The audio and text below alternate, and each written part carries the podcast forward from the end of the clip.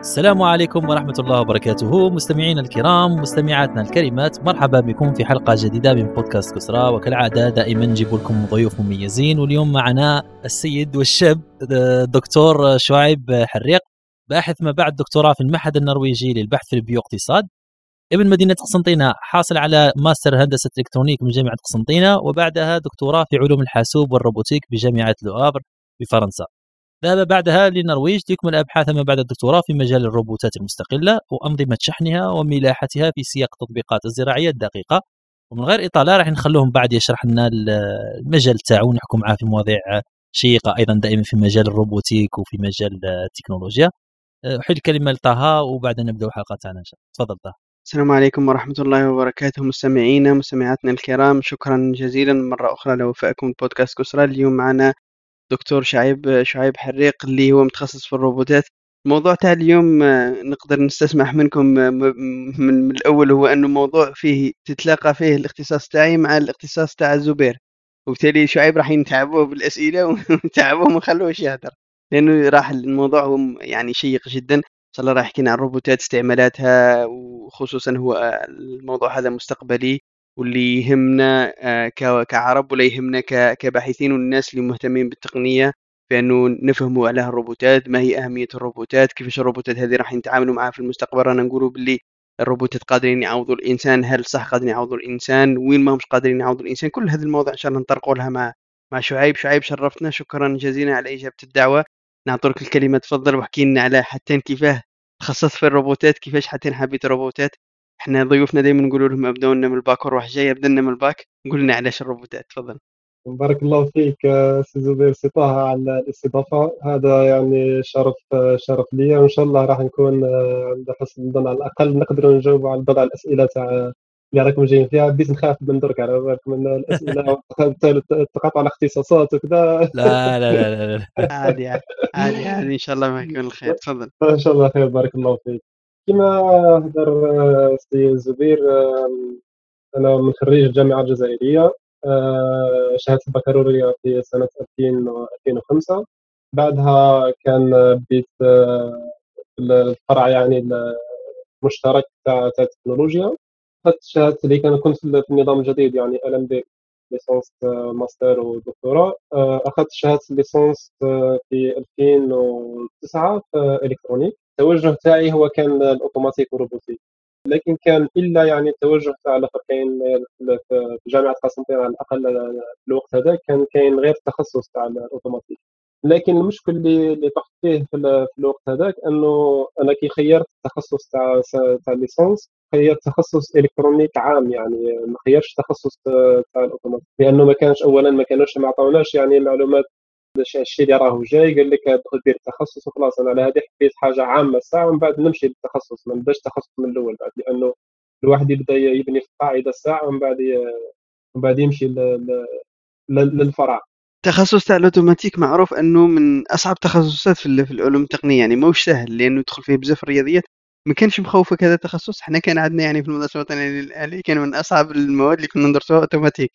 واللي حد الآن من الناس يقولوا بلي درس أوتوماتيك يعني لازم يكون عنده باع في, في الرياضيات والفيزياء والالتقاء اللي بيناتهم. صراحة ما كنتش ما كنتش نشوف في الموضوع من الجهة هذه كنت نشوف الموضوع من جهة أخرى أنه لأنه عندي عندي خاوتي الكبار في زوج كانوا في التخصص التقني بعد واحد خويا توفى ربي يرحمه كان تخصص الالكترونيك وخويا الكبير راه مازال ناشط الآن عنده شركة في الجزائر ويخدم في مجال الاوتوماتيك يعني الإلهام الكبير كان من جهتهم يعني. ما كنت نشوف نشوف النتيجة ما كنتش نشوف واش كاين الخلفية وراها الشيء اللي وصلوا له كنت نشوف غير في, في النتيجة برك على هذه يعني كان كان كاين الميول لأنه كنت نشوف كنت دائما كان منين يروح عنده سفر المصنع من المصانع يديني معاه وزيد كان ثم كان يخدم مع يخدم مع شركة سيمنز. ثم كان يعني كان عنده عنده يعني علاقات بالآخر بال industry بزاف وكنت دائما دائما نروح معاه على هذه كان كاين ميول هذا هذا واحد من من من الأسباب اللي خي... اللي خلاتني نحب نخير الأوتوماتيك والسبب الآخر اللي اللي حبيت اللي خلاني نخير يعني ال robotique كتخصص هو سبب يعني آه سبب سبب جانبي بالفكر يعني الواحد يكون يشوف يشوف يشوفه من من من التسلسل الزمني راح يشوفه بس أنه سبب جانبي لكن أنا نشوفه أنه السبب الرئيسي اللي خلاني ندخل في مجال ال robotique. هو كما كنا في نديرو في في شهادة licence في, ال électronique في في في قسنطينه كان كاين كان كاين واحد واحد المختبر فيه كان في هذاك الوقت كان كان طالب دكتوراه. هو اسمه الدكتوراه اسمه بلال بوشمال الآن راهو راهو راهو باحث في جامعة قسنطينه في هذاك الوقت كان كان يدير الدكتوراه تاعو كان كان يخدم على على الأوتوماتيك ثاني ويخدم ثاني على الروبوتات cable robot.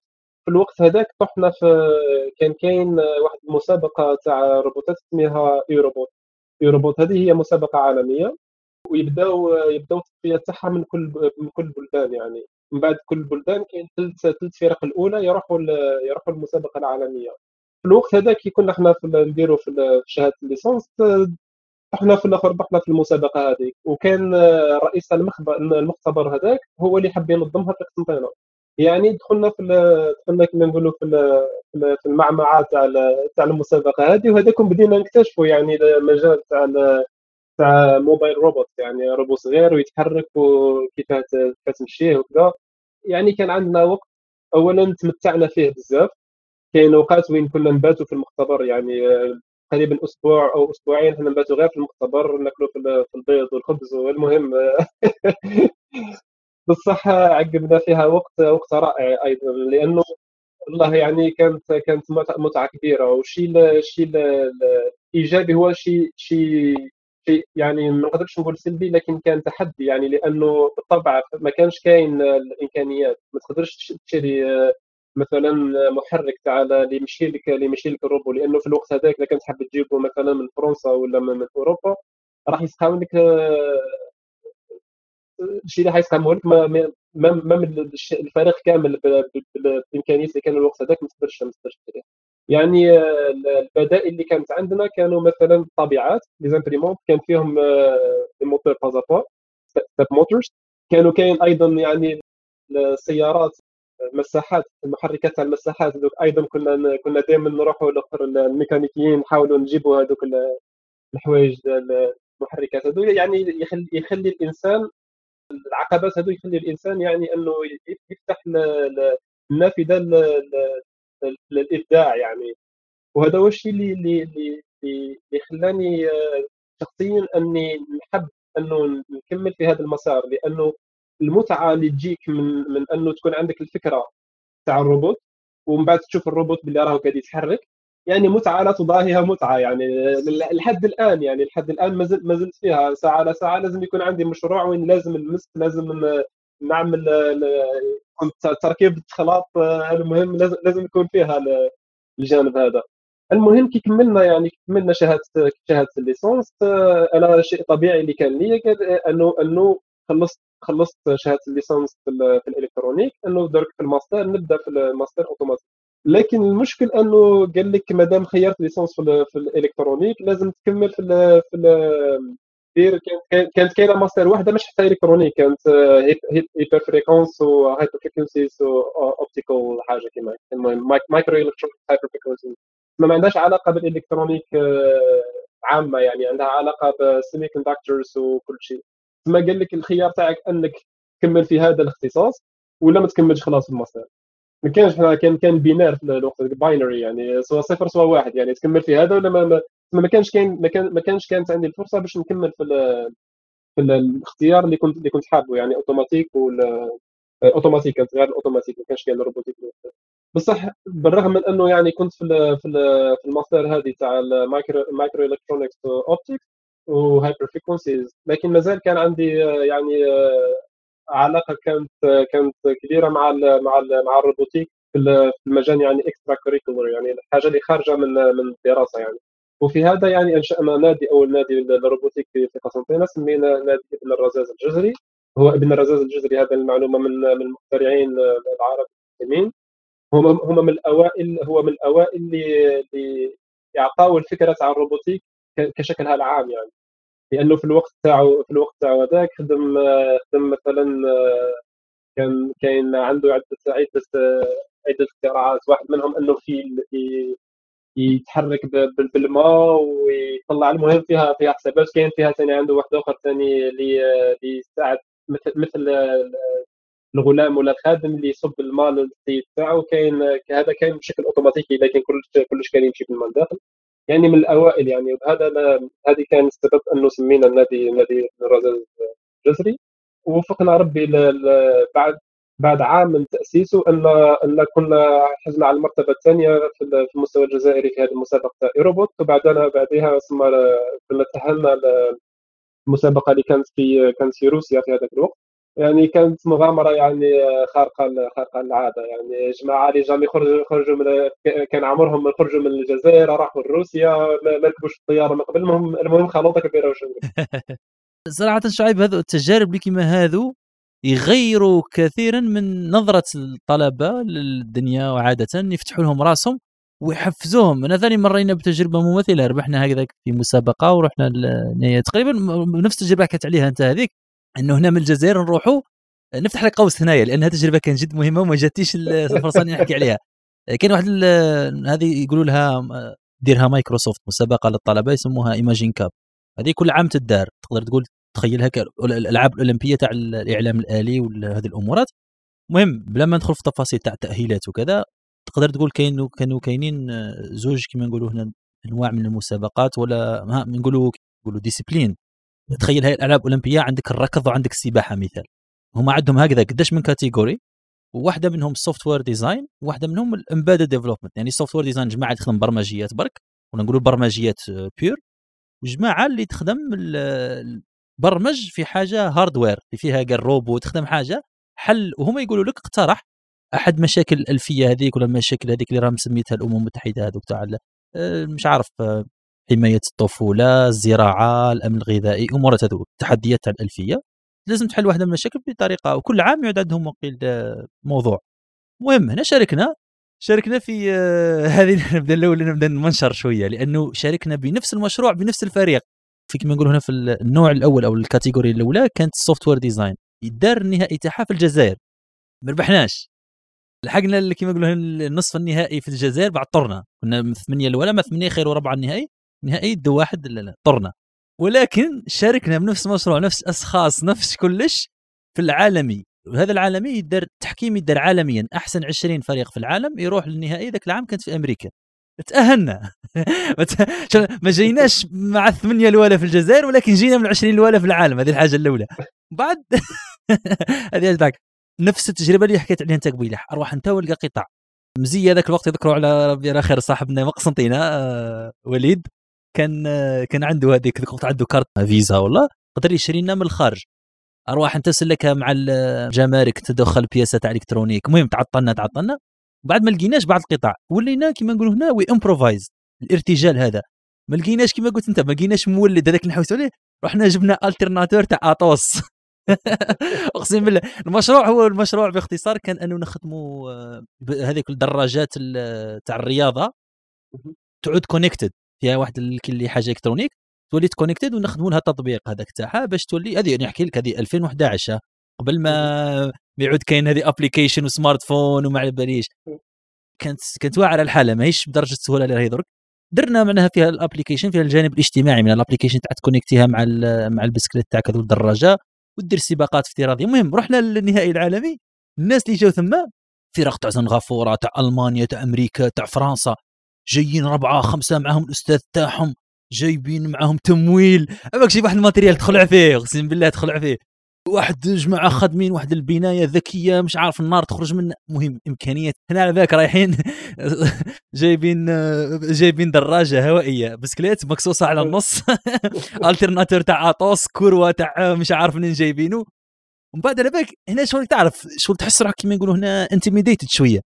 تقول تقيدك ما عندكش ولكن لما قدمناها هنا market يناها كحل low cost دخلناها في موضوع تاع recycling يعني إعادة تدوير. راك راك تجيب حاجة اللي كاينة ما تلوحاش استعملها بالك عجبتهم عجبتهم عجبتهم تاع كيفاه أنت باقل الإمكانيات تقدر تخدم لي هذه. الحق هي ما لحقناش النهائي النهائي ما ربحناش ولكن كما نقولوا كانت تجربة جد رائعة. من كما قلت أنت أول مرة تروح تروح لأمريكا وتروح لمايكروسوفت وتشوف تلقى طلبة كما أنت من كل أنحاء العالم networking تعلم ياسر حوايج.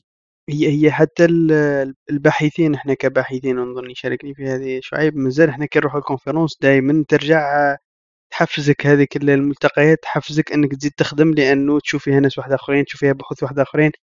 يعني ما ما مرينا به كطلاب في هذه المسابقات. باقي لو كان تبقى دير ملتقيات لأنه الالتقاء بناس آخرين وأنك تشارك معاهم واش خدمت أنت واش هما خدموا يحفزك أنك تمشي للأمام لأنه تحس بلي كاين كان مازال كاين أمور قدام اللي مازال حوايج تتعلم فيها. تفضل شعيب كما قلنا اعتذرنا لك في الأول قلنا حنقطعك نكمل صح لأنه عندنا تجارب مشتركة ياسر. إيه. تفضل. هذه ثاني نقطة لازم لازم الطلبة اللي راهم يسمعوا فينا درك لازم ياخذوها بعين الاعتبار لأنه صراحة النقاط تاع اللي يجيبهم الطالب في الجامعة مانيش حنقول آه، هو شيء يعني غير مهم بالطبع مهم لأنه التفصيل العلمي. لكن الأهم هو الشيء اللي راح ديره بجانب الدروس هذه. لأنه كما كما يصرى التخرج تاع تاع الطالب هذاك كي تقدم مثلا العمل ولا تقدم الطلب باش باش تكمل الدراسة تاعك مثلا جزاء في الخارج ولا بشيء هذا القبيل هم مش راح يشوفوا التركيز مش راح يكون على النقاط. التركيز راح يكون على الأعمال يعني اكسترا كريكولر الأعمال اللي راح ولا النشاطات اللي راح يديرهم الطالب خارج خارج المجال تاع ماشي المجال تاعو بصح خارج الدروس اليومية اللي قاعد اللي قاعد ياخذ فيها. ويعني هو يعني التوفيق من عند الله لكن يعني أظن إنه واحد من الأسباب اللي اللي خلات باش باش نكمل في السرد تاع الحكاية كيف كيف كملت في في مجال ال robotique واحد من الأسباب أنه تم القبول تاعي في الجامعة الفرنسية لأنه لما كملت لما كملت الماستر في الجزائر كان بالطبع كان كان الهدف أنه نكمل الدراسة تاعي في في مجال ال robotique. آه، بحكم بحكم هذه التجارب اللي عديتها وبحكم الاهتمام المتزايد اللي كان اللي كان يجي كل مرة وين ندخل في, نشاط كما هكا ولا كل مرة مثلا نمشي مع مع, مع خويا في في خرج المصنع ولا المصانع نشوف الروبوتات كيف يتحركوا لداخل ولا على الأقل الروبوتات اللي كاينين في الجزائر الصناعيه يعني الكونفوير ولا حاجة كيما لأنه يعتبر على الأقل روبوت بدائي لكن لكن يعتبر في هذا المجال. كل أن نشوف الشيء هذا كل كل كل دائما يزيد الاهتمام. وعلى هذه اللي حبيت نكمل الدراسة تاعي في هذا المجال. هي صراحة أول اختيار كان كان أمريكا وكندا. هذا هو الاختيار الطبيعي بحكم بحكم اللغة لأنه شخصيا من أنا كنت من فئران التجارب في المدة اللي في الجزائر في الابتدائي كانوا لأنه عادة لما على بالكم في السنة الرابعة ابتدائي يبداوا اللغات الأجنبية. ماشيش نسميهم اللغات الحية لأنه هذا يرمز أنه اللغة العربية لغة ميتة هذا شيء يعني خطأ خطأ جدا. لكن نقولوا اللغات الأجنبية. واللغة الأجنبية اللي كانت الوحيدة اللي اللي يعطيوها التلاميذ هي الفرنسية. لكن في ال في, ال في الوقت اللي كنت فيه كان حلوا داروا داروا تجربة أنهم يعطيوا الاختيار للتلاميذ أنهم يخيروا إنجليزية أو فرنسية.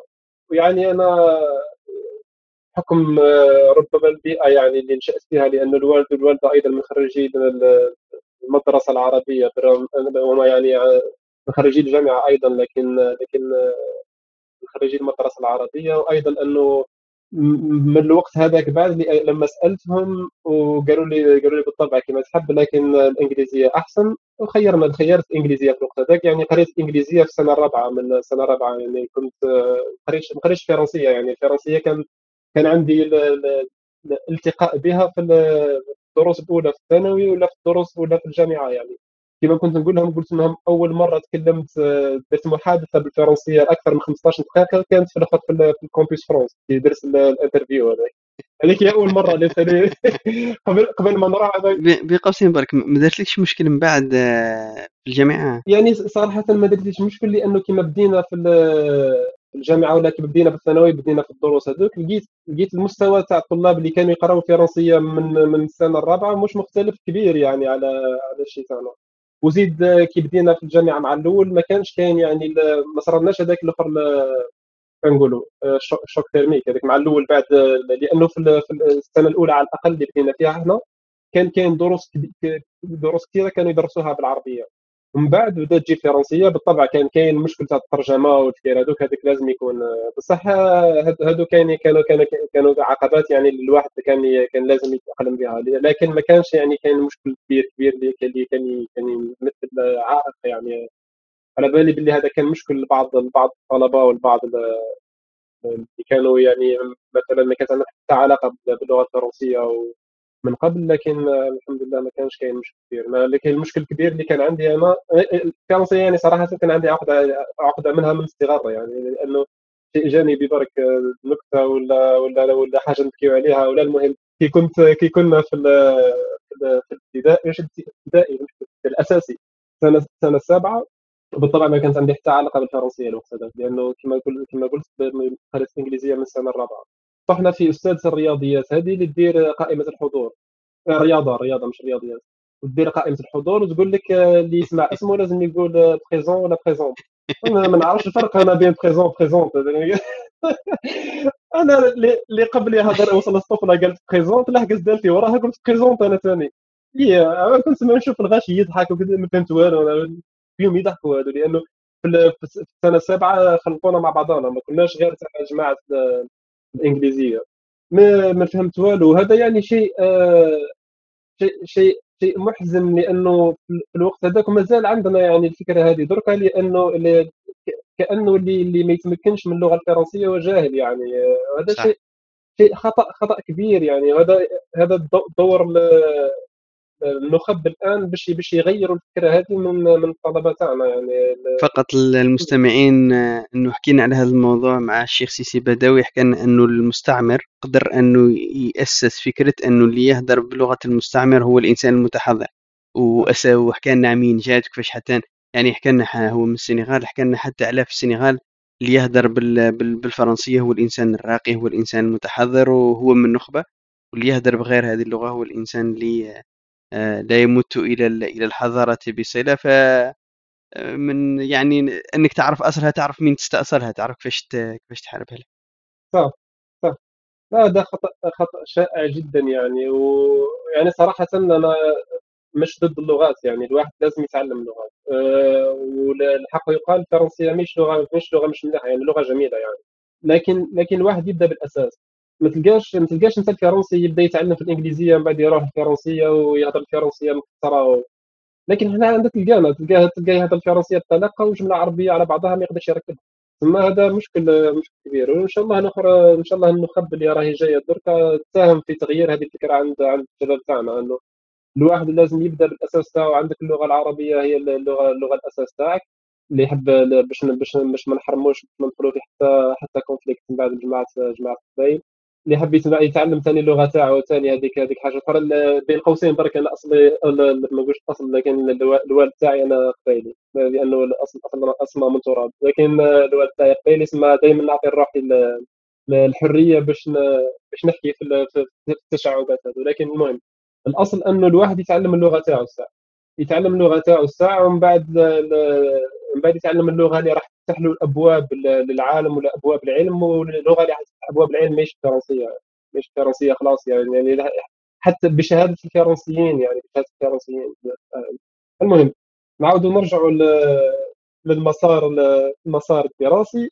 آه، كي كملت كي كملت الماستر تاعي في الجزائر قلت باللي كان كان يعني آه، الاختيار الأول يعني هو الولايات المتحدة ولا ولا كندا.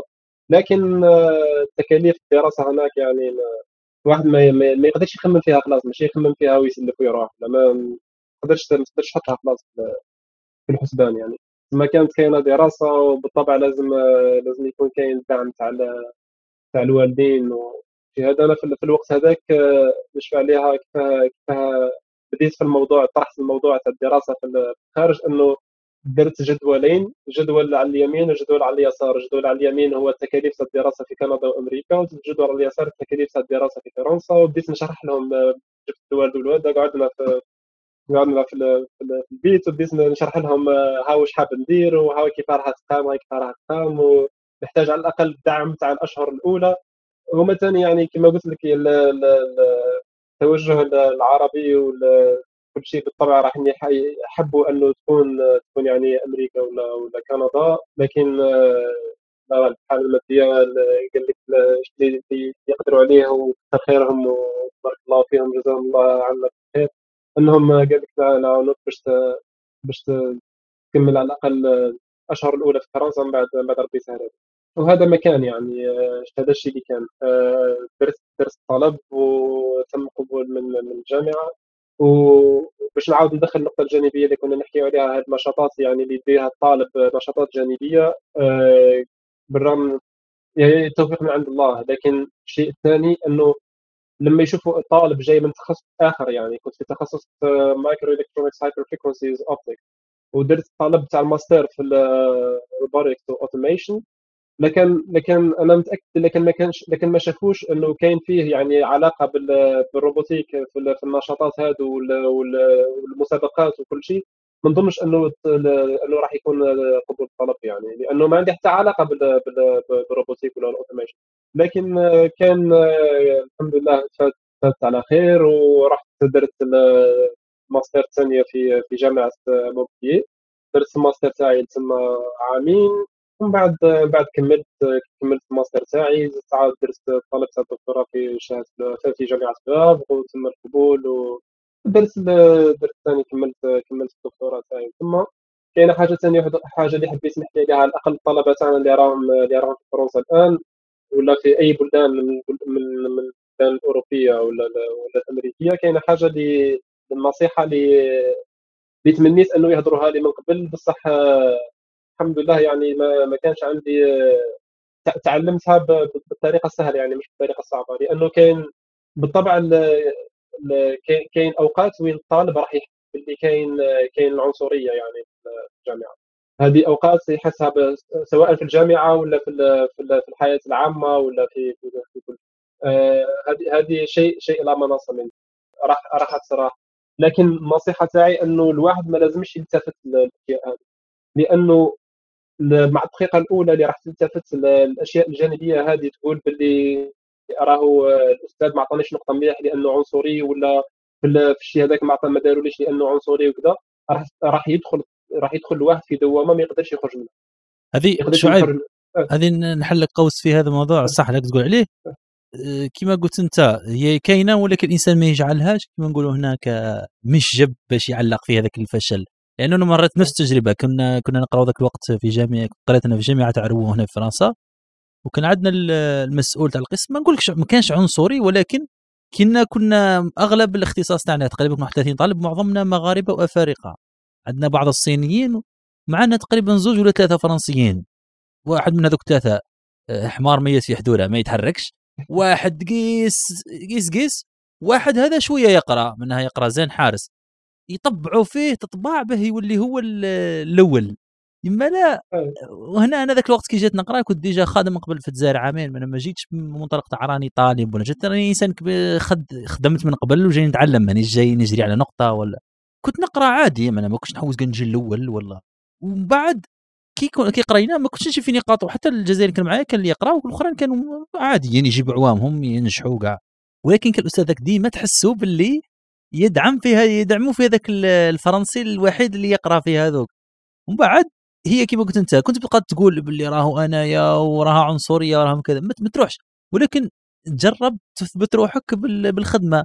ولاحظتها أنا لأنه في نهاية الدراسة تاعنا في العامين تاعنا قبل ما نروحوا نديروا التربص تاع نهاية الدراسة تاعنا كان ندير واحد ثلاث شهور نخدموا مشروع مع الجامعة تاعنا مع الجامعة مع كما نقولوا هنا زبون خارجي سواء شركة سواء مخبر خدمنا مع خدمنا مع واحد البيولوجيست. المهم خدمنا تقريبا نقول لك من الحوايج اللي أفتخر بها في حياتي يا. خدمنا خدمه نقيه نقيه من الجماعة اللي كانوا معايا كنا سبعة في الفريق هذاك جزائريين وأفارقة مغاربة. زوج مغاربة وأنايا وزوج جزائريين واحد آخرين معايا وزوج آه، من واحد من الكونغو واحد نسيت منين. المهم خدمنا شغل تعبنا فيه. ثلاث أنا أنا شخصيا كنت يوميا من السبعة للسبعة في المخبر هذاك يوميا. نحل الجامعة ونسكرها. معناها تعبنا فيه وخدمنا وخدمنا خدمة نقية. في النهاية عطينا خدمنا روبو هنا خدمنا على روبوت هكذا يدرس الفئران. في النهاية كي كملنا راني نقول لك خدمنا خدمة نقية. شغل كل اللي شريت الروبو هذاك شريته على الشركة بالكتاب تاعو بال design بال CD بالمواعيد. كملنا واحد السمانتين. قبل رحنا لهذاك ال biologiste ركبنا له الروبو هذاك صورنا الفيديو ندير الفيديوهات كذا صورنا.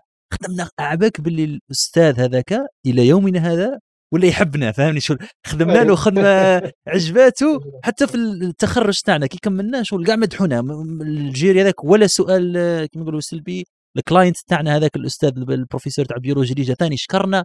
تعرف لك باللي كي تتعب وكيما نقولوا على بالك باللي ما لازمش تمد 100% باش باش تتفوق لازم تمد 120 130 140 باش وهذيك طلع لك ال niveau باش كي تبدل وتخرج من هذاك كيما نقولوا هنا نقولوا ال environment هذاك تلقى روحك طلعت المستوى تاعك أكثر من اللازم.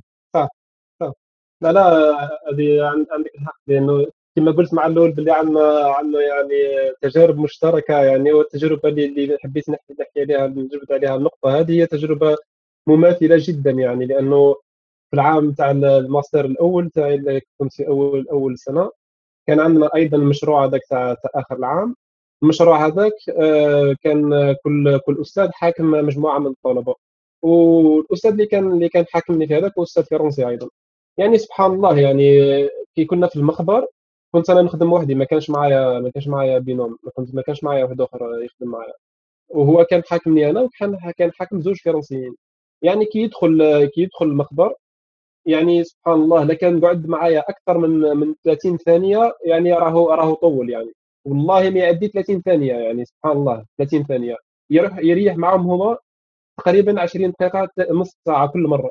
وهذه يعني ما حبيتش ما حبيتش نخمم فيها. قلت خلي ما يهمنيش أنا لأنه الشيء اللي قال نخدم فيه على بالي واش حاب ندير و...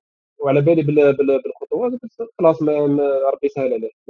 ما يرياش ما يرياش لأنه الملاحظة هذه عطاوها لي أيضا الطلبه اللي كانوا مع أساتذة آخرين. قالوا لي علاه علاه الأستاذ هذاك واش قال يريح معاك بزاف ويريح معاهم هما الوقت كامل.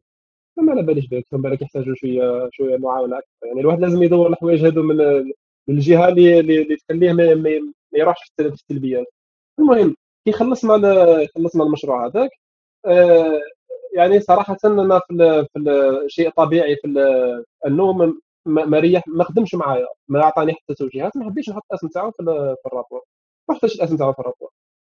دار لي دار لي استدعاء عطى عقبني الآخر المكتب تاعو إيه، قال لي قال لي على بالي باللي ما, ما ريحتش معاك وما, وما ما عاونتكش قال لي بصح الأسم تاعي ما تقدرش ما تحطوش في الرابور هذاك هي ما عليناش. حطيت حطيت الآخر الأسم تاعو في الرابور. عداو عداو الجيري على الأخر الواحد هذاك. والمشروع اللي اللي درته هذاك دا أحسن نقطة في البروموسيون كامل يعني. في حوالي 80 طالب ولا 90 طالب. يعني سبحان الله هذاك كان المشروع هذاك اللي تخدم هذاك. هذه على هذه الأخرى النصيحة اللي حبيت نمدها إنه الواحد ما لازمش يحط العوائق هذو يخليهم في دماغه ويخليهم يطبقوه باش باش يمضي قدما يعني في المشوار تاعو. لأنه كل مرة راح تديرها راح تولي دائما كما قلت تعلق الفشل تاعك عليهم ولا تعلق دائما دائما تخليهم يرجعوك للورا لازمش الواحد يخلي الحوايج هذو يرجعوه من لورا. وهذا يعني الشيء هذا كما درت كي درت يعني العرض تاع المشروع هذا كيخلص كيخلص العرض تاع المشروع في الوقت هذاك كان الصيف والصيف لازم تخدم باش تعيش. والخدمة اللي كنا نخدموا فيها مونبلييه كنا نحيو كنا نحيو ال melon نحيو الدلاع. يعني الطلبات تقريبا كامل تخدم تخدم شهرين تنحي شوية دلاع من بعد تعيش العام العام العام اللي وراه. إيه كيخلص كيخلص المشروع هذاك آه، كيخلص العرض تاع المشروع soutenance هذيك تاع ولا التخرج تاع العام الأول تاع الماستر لازم لازم تعرض المشروع تاعك وتحكي عليه واش درت ما درت كيخلص جاني واحد من من الأساتذة اللي كانوا في الحكام ولا في ال jury اللي كانوا تما. جاني قال لي قال لي واش راك واش راك دير؟ درك قلت له نحي في نحي في البطيخ. نحي في الدلاع قال لي قال لي عندي عندي عندي عمل ليك لكن تحب لكن تحب لكن تحب تخدم. قلت له شو؟ قال لي قال لي تخدم شهرين في في شركة اللي تخدم على على drones قلت له هي قلت له قال لي لكن حبيت تكمل تنحي الدلاع. هي لو كانوا drones هذوك اذا كانوا راح يصوروا الدلاع آه، أفضل إيه, إيه، يمكن هذيك يكون يعني الآخر يكون مع بعضها تكون رائعة. هذاك هما ينحيوا الآخر الجماعة ينحيوا من تحت الدلاع وتدي الدرون مع بعضها. الآخر الحوايج في زوج ضربه واحدة. هي يعني آه، يعني سبحان الله تحل تحل الباب من من جهة اللي ما, ما كنتش ما مش حاجة اللي بعثت لها درت لها يعني آه، درت طلب ولا حاجة كيما هكا. ورا تخرج جا الأستاذ هذيك هو اللي حطني في الشركة هذيك وكانت يعني آه، أيضا كانت يعني experience رائعة في الشركة هذيك يعني لأنه كانت تخدم على ال board تاع ولا لوحات التحكم تاع تاع ال drones. ثم حوايج اللي تعلمتهم تما في الشهرين هذوك آه، كانوا آه، كان شيء آه، شيء رائع يعني. المهم باش نقفل القوس برك باش المهم الطلبة تاعنا اللي راهم في الخارج اللي راهم يسمعوا ما تلتفتوش الأشياء هذو لأنهم أشياء جانبية. الأستاذ هذاك ولا الشيء اللي راهو تماك راح تشوفوا العام هذاك ولا العامين هذاك من بعد خلاص. بصح حياتك مازالت مازالت قدام اي إيه. ما تنساش باللي حتى هذه الظاهرة راهي مش مختصة برك باللي راه يروح الخارج حتى اللي يقعد في الجزائر يقرأ في الجزائر راه ساعات ثاني يمر بالجهوية والعنصريه وإيه. صح صح. لا هذه هذه هذه هذه ثاني كنا كنت نهضر عليها بزاف يعني لأنه آه كي نسمعهم يحكيو على على الجهوية وكذا نقول لهم يا جماعة إحنا في بعضنا حنا ناكلوا تاع بعضنا يعني تشوف جماعة اللي اللي راهم من جهة كل جههم من جهة أخرى ما يديروش عليهم ولا اللي يهضروا بالعربي آه، وكاين القبائل اللي ما يفهمش بيناتهم ما يفهموش ولا ولا العكس اللي يهضروا بالقبيلات كاع بيناتهم ما يهضروش بالعربي باش يفهموه المهم راه يخالط هكا ثم الأخر آه، راه بيناتنا بعد بيناتنا بعد راهي مشكل يعني. يا ودي هنا هنا عندنا في الجنوب آه، ساعات راه عروشيه مش حتى عنصرية تاع جهوية. في نفس المدينة في نفس الآخر تلقى شغل عرش فلاني ولا عرش فلاني. ساعات الإنسان لازم يترفع على هذه الأمور. والله سبحان الله الواحد راه راهو قبل كيما يقولوا في القرن القرن 21 نقدر نسكروه. صاحبي مازال نحكوا على أنت مش عارف شنو هي إيه إيه كمل شعيب. هذه كيكون الواحد يعني من, من نفسه لازم يغير الأشياء هذو لكن كيكون عوامل خارجية ما لازمش الواحد يلتفت لها هذه هي برك النقطة اللي حبيت حبيت نشير لها لأنه هذا مشكل اللي اللي ما نظنش إنه كاين واحد قرا في أوروبا ولا قرا في الآخر ما, ما واجهوش. لازم لازم يكون واحد واجهه في نقطة أو أو في في, في المشوار تاعو. المهم الواحد لازم لازم دائما يمضي قدما لازم يكون عنده الهدف هذاك البعيد اللي حاب يوصل له ما يلتفت للحوايج الجانبية هذو على بالي ساعه ساعة الواحد تغيض روحه وكذا بصح لازم دائما الواحد يكون عنده الهمه تاعو أعلى من المهم ورا ورا الماستر درت شهادة دكتوراه في لوهاف وخدمت على يعني العمل ما بين روبوتات الطائرة والروبوتات الأرضية يعني كانت دير cooperation بينات هذا هو اللي كان مشروع مشروع التخصص تاعي في شهادة الدكتوراه. آه، خدمت يعني كملت الدكتوراه تاعي في ثلاث سنوات. في ثلاث سنوات كنت كملت كملت الدكتوراه والحمد لله يعني مشات الأمور بخير. والايروني في الحكاية هذه ولا الشيء اللي كنقولوا شو الايروني في هي بين السخرية وبين المضحك ولا السخريه ولا ال thesis تاعي في فرنسا درتها بالإنجليزية. ما درتهاش بال... ما درتهاش بالفرنسية. كي حكيت مع ال مع ال مع ال thesis director والآخر اسمه المدير تاع تاع اللي كان تاعي وكلهم في ثلاثة كانوا فرنسيين يعني فرنسيين ابا عن جد. لكن قلت لهم قلت لهم لازم لازم نديرها لازم نديرها بالإنجليزية. قلت لهم لكن نديرها بالفرنسية راح نتعب ومانيش مانيش قادر مانيش قادر ندخل ندخل في في المتاهات هادو خاصة أنه درت كان كاين articles اللي درتهم في الوقت هذاك وبالطبع كل كل شيء لازم يكون بالإنجليزية وقلت المهم أنا الهدف الهدف الباطني أنه ما ما ما, ما العمل هذاك ما يبقاش محصور يعني في في الجانب الفرنكوفوني يعني لأنه الجانب الفرنكوفوني إيش كاين؟ كاين فرنسا والجزائر وبعض بعض البلدان بيناتنا الفرنسي كثير من الضيوف اللي جاونا اللي منها قراوا في فرنسا ولا ومروا بفرنسا قالوا لنا نفس الشيء يعني لما يجونا فرنسا ما يلقاوش معارضة على أنهم يخدموا حاجة بالإنجليزية لأنهم فرنسيين في نفسهم حابين يصدروها للخارج. صح.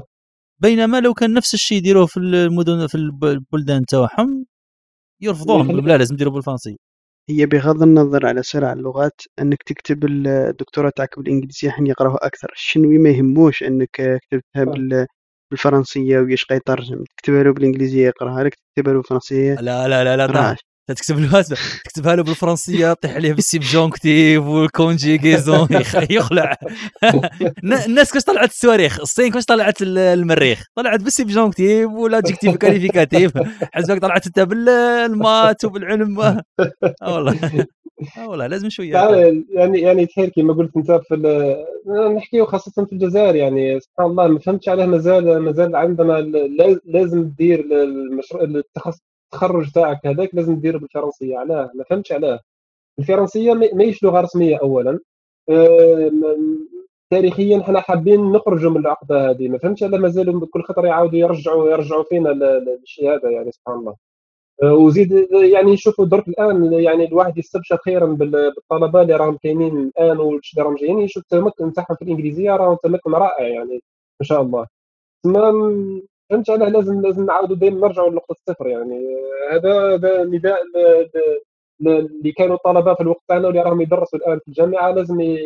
لازم يبداو يحاولوا باش يغيروا يغيروا شيء لا صراحة شعيب الأمور والله تبدلت مقارنة لاحظت شخصيا في الطلبة راهم يبعثوا لي هكذا يسقسوني ساعة اليوم من هذا في اللينكد ان ولا يبعثوا لي في الايميل ولا الفيسبوك صراحة حاجة كما يقولوا هنا تحمر الوجه. يكتبوا لي بالإنجليزية عادي. طلبة في السنة الأولى السنة الثانية كان حتى ساعة في الثانوية يبعث لك يكتب لي بالإنجليزية عادي. لأنهم علاه كبروا عليها في الإنترنت كبروا وما عندهمش عقدة لا من تجاه الإنجليزية ولا من تجاه الفرنسية. تلقاه ساعات يهضر الفرنسية زين ويهضر الإنجليزية زين. ما عندهمش هذيك النظرة تاع الأجيال السابقه اللي كانت تشوف بلي العالم نافذتهم للعالم هي الفرنسية. حتى أفلام الكوبوي بكري في الجزائر كانوا يتفرجوها بالفرنسية. أنا درك ما نطيقش نتفرج فيلم.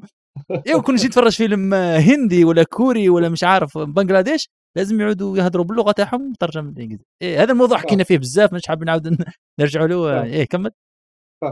آه خلاص دك كملت كملت الدكتوراه تاعي ومن بعد كانت كانوا خيارين يعني الانتقال تاعي للنرويج هو كان انتقال لسبب سبب شخصي يعني سبب عائلي لأنه الزوجه تاعي نص جزائرية ونص نص نرويجية وكان عندي سواء أنه نكمل في فرنسا لأنه كملت الدكتوراه كان عندي يعني منصب باش نكمل تما ثاني كان يعني اختيار إما نكمل في هذيك ولا لأنه كنت دائما ما كي بديت في, في كما كنت في الماستر كنت دائما نروح ونجي نروح نجي للنرويج تقريبا خدت مرة ولا مرتين في كل كل كل شهر أو كل شهرين كنت نروح للنرويج من بعد الاستخارة والمشيرة والمشورة وكل شيء كان كان اختيار انه ان الواحد يروح للنرويج بالرغم من إنه واحد رايح لبلاد ما على بالي ما على بالي بالآخر باللغة تاعها ما على بالي كيفاه راح تمشي الحالة ما على بالي واش كاين ما على بالي واش ما كانش لكن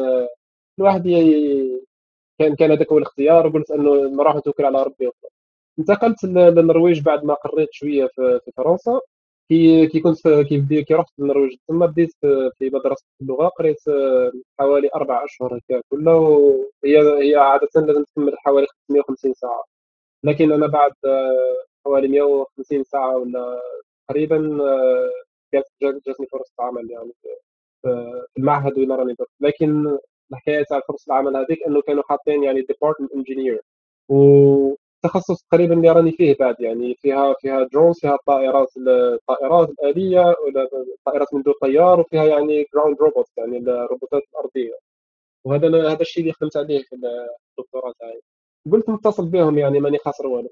نتصل بهم خاصه انه المعهد ولا الفرع هذا كان كان قريب وين كنت نسكن يعني قلت يعني فرصة ما, لازمش ما لازمش نضيعها.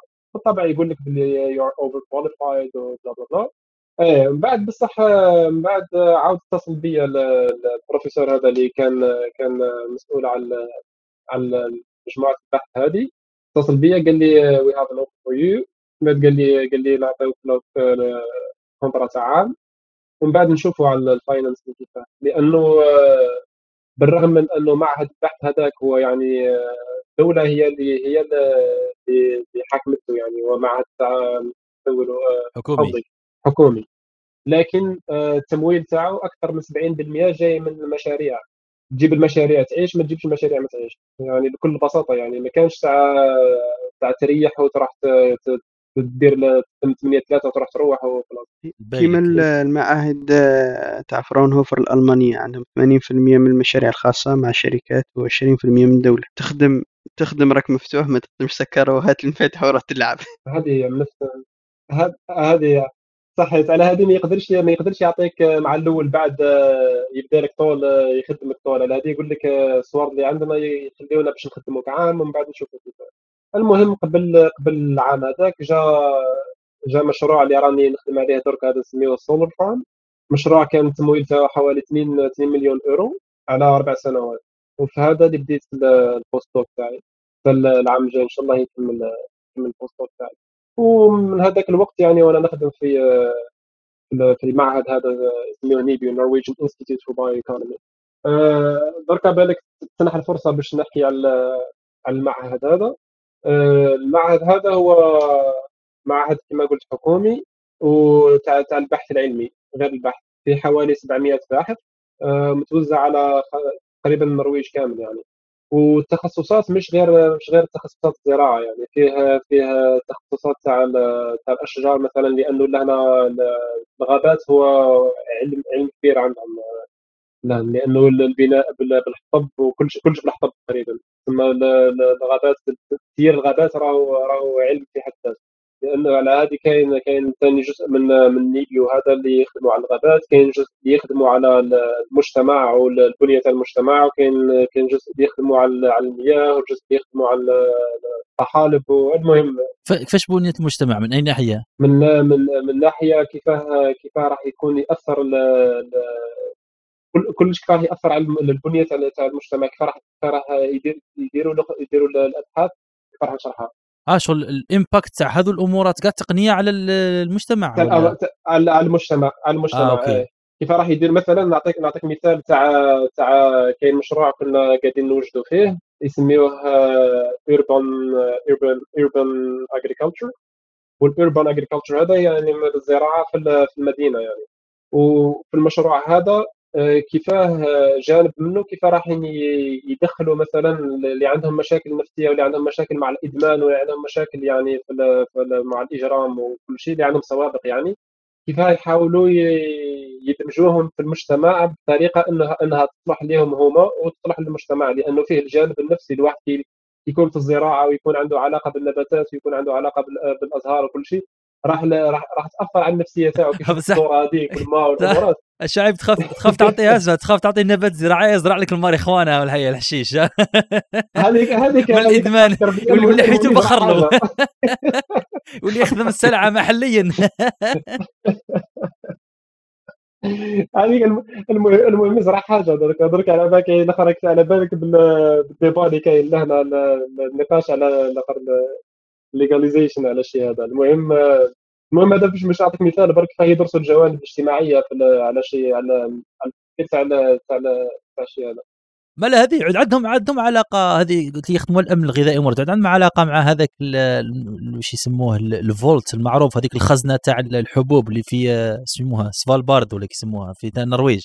معروفين إيه معروف للمستمعين تاعنا اللي ما يعرفوهاش هذه إيه خزنة تاع دايرتها النرويج لكل دايرته كما نقولوا كاع واش كاين نباتات اللي نعرفوها البشر؟ بكاع الانواع تاع الخضر الفواكه النباتات الأشجار كاع دايرين البذور تاعهم مخزنينهم في سفالبارد هذه جزيرة ولا شبه جزيرة بين النرويج والقطب الشمالي. مبرد تاع اوكاو يضربنا نيزك ولا تصراكش حاجة ينجموا يروحوا لهذيك الخزنة شو اسموها المطمورة ولا اسموها لاكاف هذيك. مطمورة. مطمورة ولا برك حساب باللي نيزك يضرب لتما ثانية هذيك راني خايفة. بصح مديرينها تحت الأرض إيه. إيه هذه باش باش نعطي جانبيا فقط يعني الحرب اللي صارت في سوريا الآن واللي مازال مازال راهي راهي صارية. كاين كاين نباتات كثيرة اللي اللي تقريبا اختفى الوجود الوجود تاعها. دركا يعني بفضل أنه كاين كاين تاع هذا سميوه سفالبارد هذا. المخزن اللي كاين. تما يروحوا لتما باش يعاودوا يجيبوا البذور تاع النباتات هذيك اللي اللي اللي راح من أجل من ولا من الحرب هذه يعاودوا يجيبوها من تما يعاودوا يرجعوها لسوريا يعني مثال فقط اللي اللي راه صار تسمى اشجار خنشلة اللي تحرقت آه، خنشلة درك على حساب الجزائر كان عندها يعني علاقات بالشيء هذا لأنه هذه كل كل بلد آه، عندهم المعاهد تاعهم الزراعية هما اللي يبعثوا يبعثوا البذور تاعهم. لتما تسمى النرويج هذه النرويج كلي كلي راهو بنك يعني بنك للبذور مش النرويج اللي تروح تجيب الحوايج هذو هما البلدان اللي يحبوا يخزنوا الحوايج هذو هما اللي يبعثوا يبعثوا البذور هذو باش باش يتخزنوا. قاعدين يخدموا ما عندناش. أيوه على بالك قاعدين يخدموا في نفس الشيء لكن للديتا يعني في نفس المكان. باش باش يخزنوا كل شيء عنده علاقة بالرقمنة يعني كل كل history تاع humanity يعني راح باش تولي digitalized وراح راح تخزن تما بعد. في, بلاصة مش مش بعيدة على المخزن هذاك بعد. لأنه ال advantage اللي كاين تما هو التبريد مش راح يكون غالي بزاف. مش مش كما يكون بلاصة سخانه ولازم تبرد الشيء كامل هذاك. تما تما راهو بارد بارد عند بعد راهي الدنيا راهي باردة بعد. آه، شعيب ممكن تحكي لنا على المشاريع اللي اللي خدمت عليهم اللي متعلقة بالدرون في مجال الزراعة وكيفاش حتى بعد ندخلوا في في المواضيع تاع الروبوتات. أول حاجة نبداو قبل ما نحكوا على الدرون في ال في ال آه، في الزراعة علاش الدرون اليوم نسموه يعني نحطوه في خانة الروبوتات؟ لأنه فقط هو آه، تعريف خلينا نبداو. ما هو تعريف الروبوت؟ لأنه الناس تشوف الروبوت هو هذاك اللي يشبه الذراع اللي يخدم. وعلى بالنا بلي humanoid إيه اللي humanoid وحنا نشوفه بلي الروبوت هو كل شيء اللي هو متحرك أعطينا تعريف كامل خلي باش نعرفوا علاش الدرون يدخل في في خانة الروبوتات. هو يعني الروبوت يعني المصطلح تاع تاع الروبوت جاء في حوالي 1921 يعني. كان كاتب كاتب تشيكي اللي اللي خرج الله أعلم لكن خرج الأسم اسمه robota يعني forced labor آه، هو اللي هو اللي بدا به المصطلح هذا. ومن بعد عاود عاود خرج مع مع إسحاق اسيموف في السلسلة تاعو آه، تاع تاع الروبوتات وخدم ثاني السلسلة تاعو Foundation هذا يعني سلسلة رائعة يعني اللي يحب يخرج من راهم رايحين يديروا Apple رايحة تخرج مسلسل آه، على هذا تاع The Foundation ظن وخدمته خدمه كما نقولوا هنا جبارة كما نقولوا. ولا عرفنا درك علاه عرفناك هذاك علاه سميت ولدك إسحاق. لا هذاك سميتو اسحاق آه. راك راك من المعجبين تاع إسحاق آسيموف ملا يسبها يسبها. إسحاق آسيموف يعني. إيه عبالك درك هذه كما قلت تحكي Apple راح يديروا Foundation راح يكون عندهم مشكل كبير لأنه آه، صار صار مشكل مع مع اللي يخدموا Star Wars ترى مشكل كبير ما بين ما بين ما بين اللي كانوا يديروا publishers تاع إسحاق أسيموف واللي خدموا Star Wars لأنه كاين حوايج بزاف من Star Wars اللي جايين من ال Foundation كي تقرا كي تقرا ال Foundation وتشوف الأخر تشوف الفيلمات تاع Star Wars آه تقريبا كلش من راهو جاي راهو جاي من بصح اللي خدموا Star Wars ما حبوش يصارفوا. قال لك لا قال لك هذه جايين من من raison. صح. كي كي تشوف آه صح صار لهم صار لهم هو صح صار لهم كاين واحد الأعمال الادبيه ولا؟ اللي تكون آه، كما نقولوا هنا نقول لك سابقة لزمانها بحيث أنه حتى اللي جراها ولو لم يكونوا مستلهموا منها راح يجيبوا أفكار اللي منها. منها نذكر الكتاب تاع 1984 تاع واسمه آه، تاع 1984 اللي كتبه جورج أورويل. في لما تشوف درك إيه لأنه معظم ذاك الأعمال الأدبية هذه الديستوبية مثلا لو تشوف سواء الأفلام ولا تقرأ الكتب اللي كما نقولوا تنبأ به كما نقولوا هنا مستقبل شوية حالك لل للبشرية وإن تكون كما نقولوا الدول خاضعة لأنظمة ديكتاتورية نظام تاع سيرفينس هكذا تاع يراقب كما نقولوا كل ما شارده وواردة. نعاودوا نرجعون نلقاوها مذكورة في 1984 حتى ولو نشوفوا حاليا بالك رانا ولينا اسوء ما تخيله الكاتب جورج أورويل. هو الكتاب تاعو اسمه 1984 صح. هو كاتبه في 49 إذا مانيش ناسي التاريخ الدقيق له. ولا Animal Farm تاعو ثاني. كتب حوايج اللي تنبأ بها رائع. رائع كتب جورج أرويل نظن لازم ندخلهم في المقرر الدراسي. معناها صح كانت حاجة استشرافية. عبك يومنا هذاك تشوف ور العالم لنا تاع ال surveillance هذول كيفاش رانا معسوسين سواء من الشبكات الاجتماعية سواء من الأنظمة المخابراتية سواء من الدول سواء من قول يا حسرة رانا إيه. كمل. راهم داخلين في المقررات أنا بالك لهنا في النرويج تاع Animal Farm و 1984 ثم الطلبة لازم يقراوهم. عندهم في وقت في في في واحدة في في, في مرحلة من مراحل الدراسة لازم يقراو هذو يعطيو يعطيو تقرير عليهم. المهم حوايج ثاني كي يقرا يعني تاع اسحاق اسيموف يعني حوايج يحبسوا الراس كي يحكي على روبوتات ولا artificial intelligence كما قاعدين نشوفوا فيها الآن يعني حوايج يحبسوا الراس. المهم باش نرجعوا يعني التعريف تاع الروبوت آه هو كاين تعريف على حساب كل واحد راح يعطي اللي يخدم في مجال ال robotique راح يعطي له تعريف اللي يخدم في مجال يعني pure computer science ولا في مجال الإعلام الآلي راح يعطي له تعريف آه، ربما آخر. لكن التعريف المشترك بيناتهم إنه راح تكون ماكينة أو برنامج لأنه روبوت قادر يكون برنامج يعني أيضا كما نحكيو على robot process automation RPA هذه ثاني راهم برنامج لكن آه، يسميها روبوت لكن مش روبوت لكن البرنامج راح شيء لكن الشيء تاعو انه تكون ماكينة أو برنامج اللي تعطي له آه، تعطي له تعليمات وينفذ التعليمات هذوك بشكل تلقائي. راح وراح يكون عنده تفاعل مع مع المحيط الخارجي. هذا هو التعريف تاع تاع تاع ولا على الأقل التعريف المبسط اللي, نقدر نعطيه تاع تاع الروبوتات. وهذا اللي يدخل فيه على به يدخل الدرون في خانة الروبوتات لأنه يدخل في هذا التعريف لأنه ماكينة تتعامل مع المحيط الخارجي أنه يتعامل معه. ويدير ويقوم بعملية تلقائيه اللي هي عملية الطيران. لما ندخلوا في الروبوتات في الزراعة نظن اللي عندهم خصائص متغيرة مثلا عن الروبوتات في الميكانيك ولا في الروبوتات في الشركات الأخرى. ما هي كيفاش راهم يستعملوا اليوم الروبوتات في الزراعة وما هي يعني الخصائص اللي عندنا في الزراعة اللي ما نلقاوهاش في في مجالات أخرى. دركا كي نبداو على الزراعة اولا الروبوتات دخلت في الزراعة كما كما قلت آه، طه قلت دخلت في الدرون بدأت بالدرون يعني. علاه علاه كاين كاين الاستعمال تاع الدرون في الزراعة. لأنه كيكون عندك حقل مثلا في الزراعة التقليدية إنه الفلاح راح يمشي في الحقل هذاك ويشوف بعينيه يشوف بعينيه وين جهه الآخر النباتات عندهم عندهم مشاكل وين جهه يحتاجوا ما أكثر وين جهه النباتات راهم صفر وين جهه النباتات عندهم أمراض وكل شيء. هذه راح يمشي بعينيه يمشي يمشي ويشوف. دركا دركا تخيل إنه عنده حقل فيه آلاف الهكتارات. وش هو الوقت اللي راح يديه باش يقدر يشوف الشيء هذاك؟ ما يقدرش ما يقدرش حوايج ما يقدرش ما يقدرش يتخيلهم العقل. على هذه أنه الزراعة والمشكل اللي كان في الزراعة أنه تساهم في الاحتباس الحراري لأنه اللي, اللي راح يكون عنده آلاف الهكتارات كيمد الماء يمد الماء بشكل بشكل متماثل كل كل آلاف الهكتارات هذاك. كيمد الأسمدة راح يمدها بشكل متماثل لكل آلاف الهكتارات. كيمد مثلا مبيدات الحشرات راح يمدها بشكل متماثل لكل آلاف الهكتارات هذا. وهذا مشكل كبير لأنه النبتة راهي راهي كائن حي يعني. كاين نبته اللي تحتاج الماء أكثر كاين نبته اللي ما تحتاجش الماء أكثر. بالرغم من أنه نفس النوع يعني. كاين لأنه في الأرض الأرض هذيك اللي تزرع فيها التربة ما راح مش راح تكون متماثلة. كاين تربة راح تكون كاين بقعة في الأرض راح تكون عندها غنية بالمواد العضوية.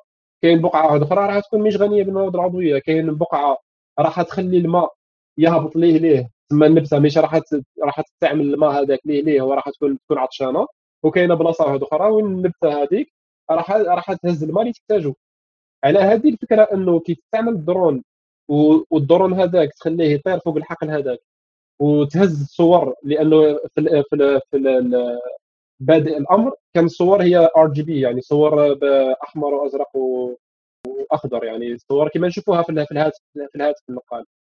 صور بالألوان العادية. ملونة كما نقولوا.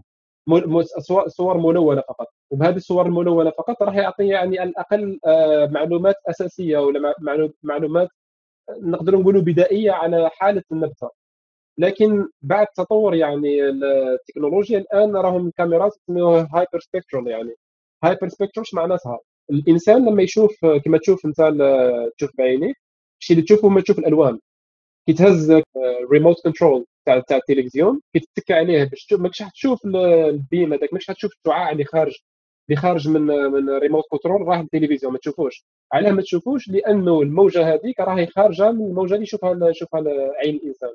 وهذا يعني أنه كاين هناك موجات اللي خارجة من الموجات البصرية يعني لأنه الموجات البصرية راهي محددة. صحيح لأنه هنا نشوفوا تقريبا تقدر تقول الأمواج اللي بين آه، إيش يسموها الفريكونسي تاعها كيما نقولوا هنا 400 و 800 نانومتر. صحيح آه. تكون تشوف كيما نقولوا هنا شو يسموه الطيف تاع الموجات راه كبير. هنا رانا نشوف ألوان طيف ألوان طيف هذول راهم هنا رانا نشوفوا برك العباد اللي يسمعوا فينا شو القوز قزح تشوف. قال عندك أنت صحيح. كل ما يكون الموجة صغيرة كل ما تعود الطاقة تاعها كبيرة ياسر. هنا نشوفوا قال من يسمعوها تحت الحمراء أشعة تحت حمراء شي ياسر يسمعوا أشعة تحت حمراء هي هذيك تاع ال télécommande تاع التلفاز. هذيك ال remote control علاه ما تشوفوش انه عينك ما تقدر تشوفه لكن اشعاعات تخرج.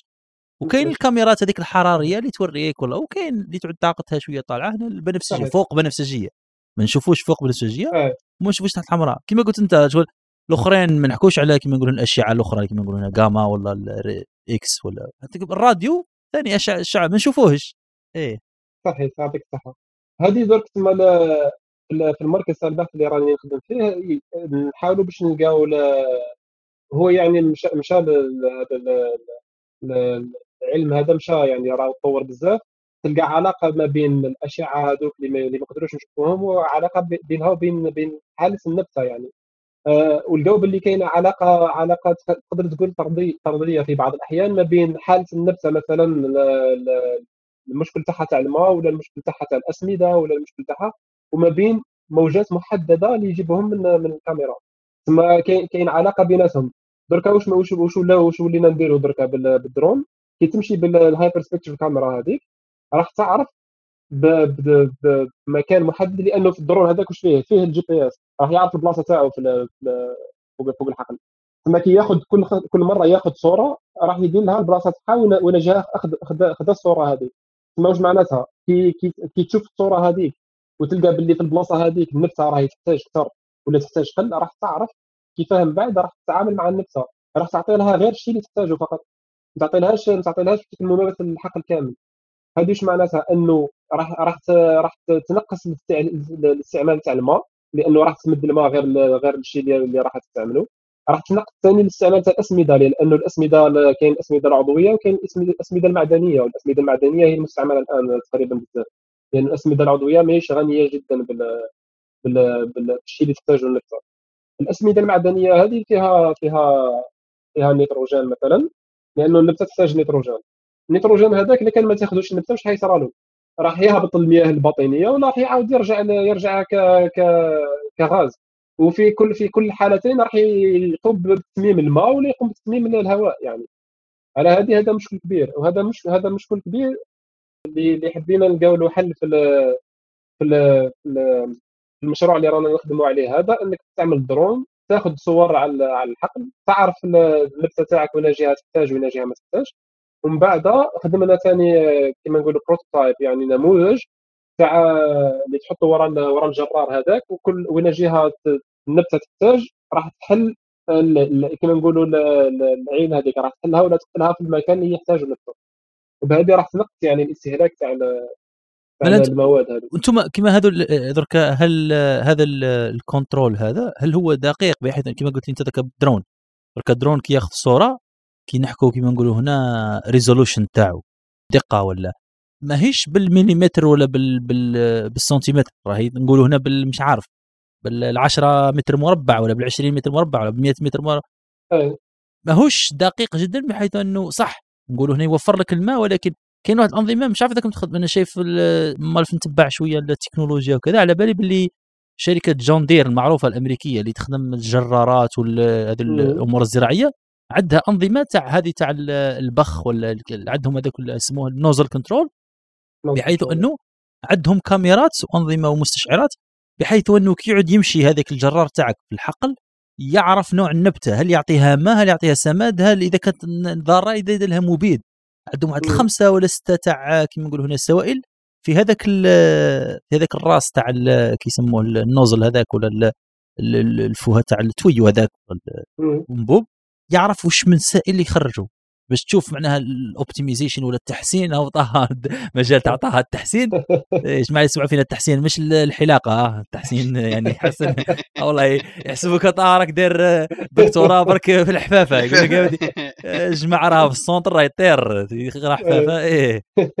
إيه. قلت لك مالا هذه راها نقولوا تشوف واحد ال optimization ما تخيلش معناها يوفروا للفلاح عوض أنه يخسر كما نقولوا يستهلك نقولوا مش عارف 1000 1000 لتر تاع ماء يلقاه يستهلك نقولوا 20 إيه. هل أنتم تخدموا يعني على أنظمة مشابهة ولا أنظمة كما نقولوا لا لا هذا نفس نفس نفس الفكرة بعد لأنه إحنا الأخرى ال resolution اللي ولا الدقة اللي نجيبوها من الدرون حتى ال 4 سنتيمتر يعني وهذه الدقة كبيرة يعني مقارنة بالشيء اللي تجيبه من satellite data يعني أنا نهضر نهضر الدقه تاع نهضر الدقه مش في كيما نقولوا الاستشعار ولا إيه. في التطبيق. إيه. أنا بديت بهذه باش نجي للنقطة آه okay. النقطة الأخرى لأنه هذا عندها علاقة بالنبتة لأنه كاين كاين زوج أنواع كاين high value crop وكاين low value crop ال low value crops يعني ال crops اللي ولا النباتات مثل مثلا الشعير والقمح وما شابه. هذه يسميوها ال low value crops معناتها؟ إنه كي تمشي أنت وتعطي لها treatment تاعها ما تقدرش تهبط الدقة هذه تاع تاع السنتيمتر لأنه كيكون إحنا البحوث تاعنا واش بعثوا لنا؟ إنه كيكون كاين تغير في ال في في, في النبتة راح يكونوا bundles يعني ماشي ماشي نبتة واحدة فقط لكن مجموعة مجموعة ومجموعات. والمجموعات هذيك عادة راح يكون المساحه تاعها واحد واحد اثنين ثلاثة متر يعني. لهذه لأنه لما يكون عندك النظام تاعك عنده الدقة تاعه 50 سنتيمتر راك راك مليح راك مليح وساعات ساعات ساعات يعني راك راك أكثر من أكثر من الشيء اللي يحتاجه النبتة ممكن تحتاج دقة تاع واحد ولا اثنين متر. لكن كاين high value crops كما اللي كنت الشيء اللي كنت قاعد تحكي عليه هذا هذا إنه تمشي عندك الكاميرا اللي تكون راهي لاصقه في الماكينة بعد سواء بالجرار ولا بالروبوت. وبهذه الشيء اللي تشوفوا آه، جون دير بدات بدأت مؤخرا فقط لكن صفوها صفوها شركات كثيرة يعني في المجال هذا. كاين شركة اللي خدمنا معاها مع معها لهنا اسمها اديغو في, النرويج. كان عندنا مشروع معاها إنه عندهم حوالي 18 نازل يعني 18 النظام تاع قتل الحش... الأعشاب الضارة. وكيف يقتلوا الأعشاب الضارة؟ إنه يبعث يبعث المضاد هذاك بدقة حوالي 2 ملم يعني. عنده عنده الكاميرات عنده كل كل مجموعة تاع تاع كل مجموعة تاع النازلز هذوك عندهم عندهم كاميرا تاعهم. وبعدين يعرفوا من الكاميرا كل بيكسل عنده فيه مثلا يلقى فيه مجموعة ال pixels ويلقى فيها مجموعة من الاعشاب أعشاب الضارة. راح يبعث المضادات هذوك. للنقطه هذيك بدقة عالية جدا. يعني هذه هذه على حساب على حساب النبته اللي راك تتعامل معاها. يكون النبته تكون النبته كبيرة ولا ولا القيمة تاعها يعني المردود تاعها كبير. مش كيما تكون قاعد دير مع القمح ولا حاجة كيما لأنه مثلا كيلو تاع القمح مش كيما كيلو تاع تاع الفراولة يعني السعر الواحد مش مش كيف كيف. على هذه التعامل مع النباتات راح يكون راح يكون يعني متعلق بالشيء بالشيء هذا. نتخيل قضيه آه، الزراعة آه، قلت عليها قبل هي أنه في أنك تتعامل مع مجال أول حاجة آه، تلتقي فيه التقنية أو العلوم التقنيه مع العلوم الحيوية ولا العلوم العلوم الحيوية الطبيعيه آه، وأيضا أنه لازم تكون عندك كما حكينا قبل مع شغيد لأنه كان هو مثلا في البايو لازم تكون ثاني عندك اطلاع على العلوم الطبيعية هذه باش تفهم المصطلحات تاعها. هل أنت لما بديت تخدم في هذه تلقيت صعوبات في أنك لازم تفهم النباتات ولا تفهم مثلا الفصول والأمور اللي تكون فيها النباتات وتلتقي مع خبراء اللي هم متخصصين أيضا في مجال الزراعي ولكن ما عندهمش معرفة كبيرة في مجال الروبوتكس وفي مجال الذكاء الاصطناعي. صح اخر آخر علاقة كانت عندي بالعلوم الطبيعية كانت في الاساس في الابتداء في الأساسي يعني. هذه اللي كنا نديروا الأخر الاختيار الإنتاج. والإنتاج حبه اللوبيا في قوه في قوض عليها أورد. الإنتاج ولا ولا الخضرون ولا لا المهم هذيك هي آخر علاقة اللي كانت عندي الغضروف. آه، كان كان عندي مشكل في في المصطلحات هذه لكن لكن كان عندنا لا ماشي ماشي كان عندنا عندنا يعني مكتبة صغيرة في المعهد وين راني نخدم. دخلت لداخل لقيت باللي كاين يعني الشيء اللي تحتاجه باش تعرف يعني الحاجة اللي بديت بها الأولى يعني كي بديت نخدم بديت نقرأ البحوث تاع اللي اللي يخدموا معايا. باش نعرف الشيء اللي راهم يخدموا عليه ونعرف على الأقل المصطلحات كي نكونوا في اجتماع المصطلحات اللي قاعدين نستعملوا فيهم. ما ما, ما يكونوش مصطلحات آه، صينية يعني. هذه الحاجة الأولى اللي بديت. بعدين لقيت باللي كاين في المكتبة هذيك لقيت باللي كاين كتب اللي يحكيو على الزراعة الدقيقة اللي يحكيو على كيف الاستعمال الأسمدة والكلام هذيك. القرار اللي بديته أنه كنت كل يوم آه، ما زلت يعني كل يوم نبدأ النهار تاعي ب نقولوا بالقراءة فقط يعني. النهار تاعي كي نبدأ كي نوصل للمكتب عندي حوالي نص ساعة ولا ساعة. نقرا برك نقرا برك على على المجال هذاك. لأنه تخرج من المجال التقني وين تكون فيه غير البرمجة وكل شيء وين تولي فيها النباتات والقمح الامورات هذو لازم لازم يكون عندك الانتقال هذاك. ويعني يعني تعلم حوايج حوايج بزاف يعني يعني شيء شيء يعطيك يعطيك يعطيك نظره خلاف خلاص على الاستعمال تاع التكنولوجيا. تخرج من القوقعة تاعك هذيك تاع البايثون والسي بلس بلس والأمارات هذول الشيء اللي حاجة اللي حاجة في الإنسان يعني تدخل فكرش يعني اللي تعيش بها يعني. ثم يعني كان experience يعني رائعة يعني. ما زالت نكمل. امم شعيب فيما يخص الروبوتات يعني روبوتات اليوم لما نخرج من الزراعة ونحكي الروبوتات بصفة عامة داروا ثورة في الزراعة ولكن داروها في كل شيء. نشوفوا اليوم مثلا في مجال الطب كاين بزاف الجراحين يستخدموا روبوتات باش يعاونوهم في الدقة ولأنه نتفادوا بهم الأخطاء. نشوفوا باللي في الصناعة وكاين الثوره الصناعيه الرابعه في حلقات فاتت أنه الثوره الصناعيه الرابعه عندها خصوصية في أنه نستعملوا فيها الروبوتات ياس. في نظرتك من خلال بحوثك أه ورانا رايحين بالروبوتات هذو هل الروبوت نطرح لك مجموعة من الأسئلة وبعد ندخل في النقاش. هل الروبوتات هذو رايحين يعوضوا الإنسان؟ إذا كان رايحين يعوضوا الإنسان خدمه اللي كان يدير فيها الإنسان. النقطة اللي اللي ذكرتها من قبل اللي هي أن الروبوت مش بالضرورة هو شيء يعني حسي راح نلقاه. ممكن أيضا هو برنامج مهمة جدا لأنه نقدر نقول ثاني أنه البرامج اللي راح تعوض في الإنسان. مثلا أنه قبل كانت عندك بلدية تخرج شهادة ميلاد اليوم راه ما كانش. كاين برنامج يعطيك شهادة ميلاد تخرجها تطبعها في الدار ومن بعد تمشي. كاين يعني أمور اللي هي آه، يقولوها ما فيهاش قيمة مضافة مع أن الإنسان هذا ما خلوش يخدم حاجة اللي ما فيهاش آه، تطلبش ذكاء ونقول نطلبوا من الإنسان أنه راح يدير آه، حوايج اللي تتطلب ذكاء اللي اليوم ما قدرناش نديروهم بالروبوتات. هل بعد عدة سنين بعد ما نطوروا عدة روبوتات كنا قبل نحتاج المزارع. دوك المزارع هنا راح يتدخل إلا قليلا في في ناحية الزراعة. الجراح كان قبل هو اللي يخدم الإنسان. دوك الروبو هو اللي يخدم الإنسان والجراح هو اللي يخدم به عن بعد ولا يخليه يدير عن بعد ولا يتحكم به عن بعد. إلى أي مدى راح راح يدخل الروبوتات هذو في حياتنا على المدى الطويل؟ كنحسبوا مثلا 2040 2050 هل راح يعوضوا الإنسان؟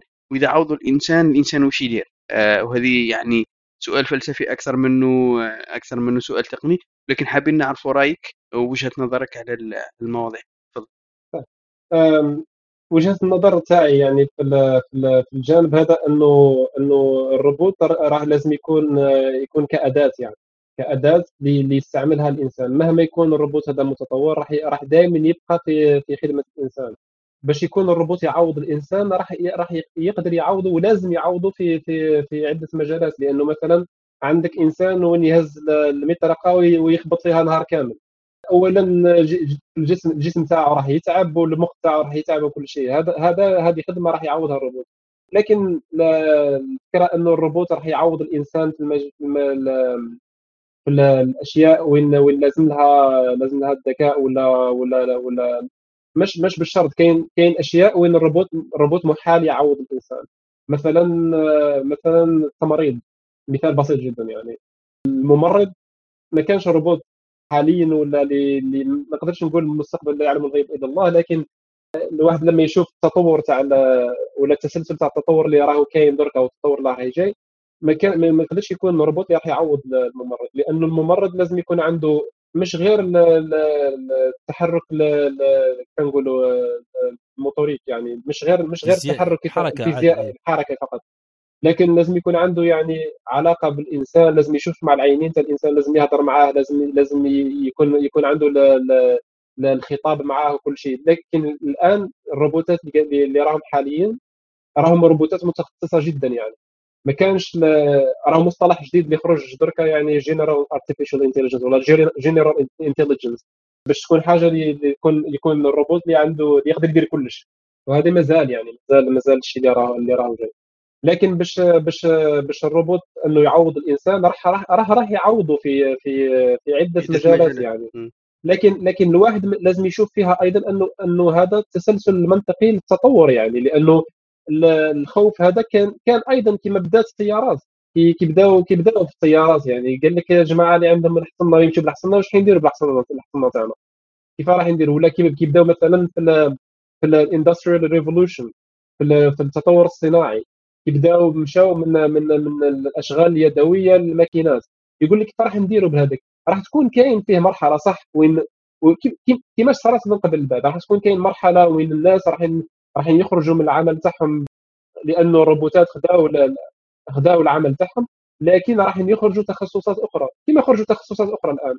صحيح كما حاليا الشعيب كنت تشوف دركا حاليا العشر أو ال 15 مهنة الأكثر طلبا والأكثر كما نقولوا هنا ذو الرواتب كما نقولوا الاكثر ارتفاعا هذه المهن عندها 20 عام ما كانش كاينة ما كانش كاينة حاجة اسمها سيس أدمن ولا مطور ويب عندها 50 سنة 40 سنة ما كانش حاجة ولا واحد يسموه كيما هاك robotic engineer بالمفهوم تاع مبرمج.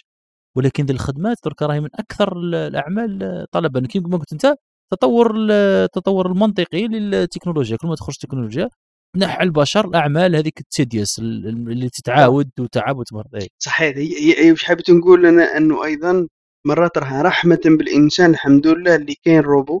تخيل أنت واحد كما قلت أنت شعيب يعمر يعمر كرتون من صباح للعشية ولا يرفد يحمل. يمكن روبوتات تعاون الإنسان يحملوا علاه تروح بعيد. علاه تروح بعيد. آلة الغسيل machine à laver في الديار. روح قول لمرأة أنت نهار كامل هي تعرق في ذوك الدرابل ها؟ في الماء والصابون ويدها مساكين. ساعتين وهي تعصر فيها.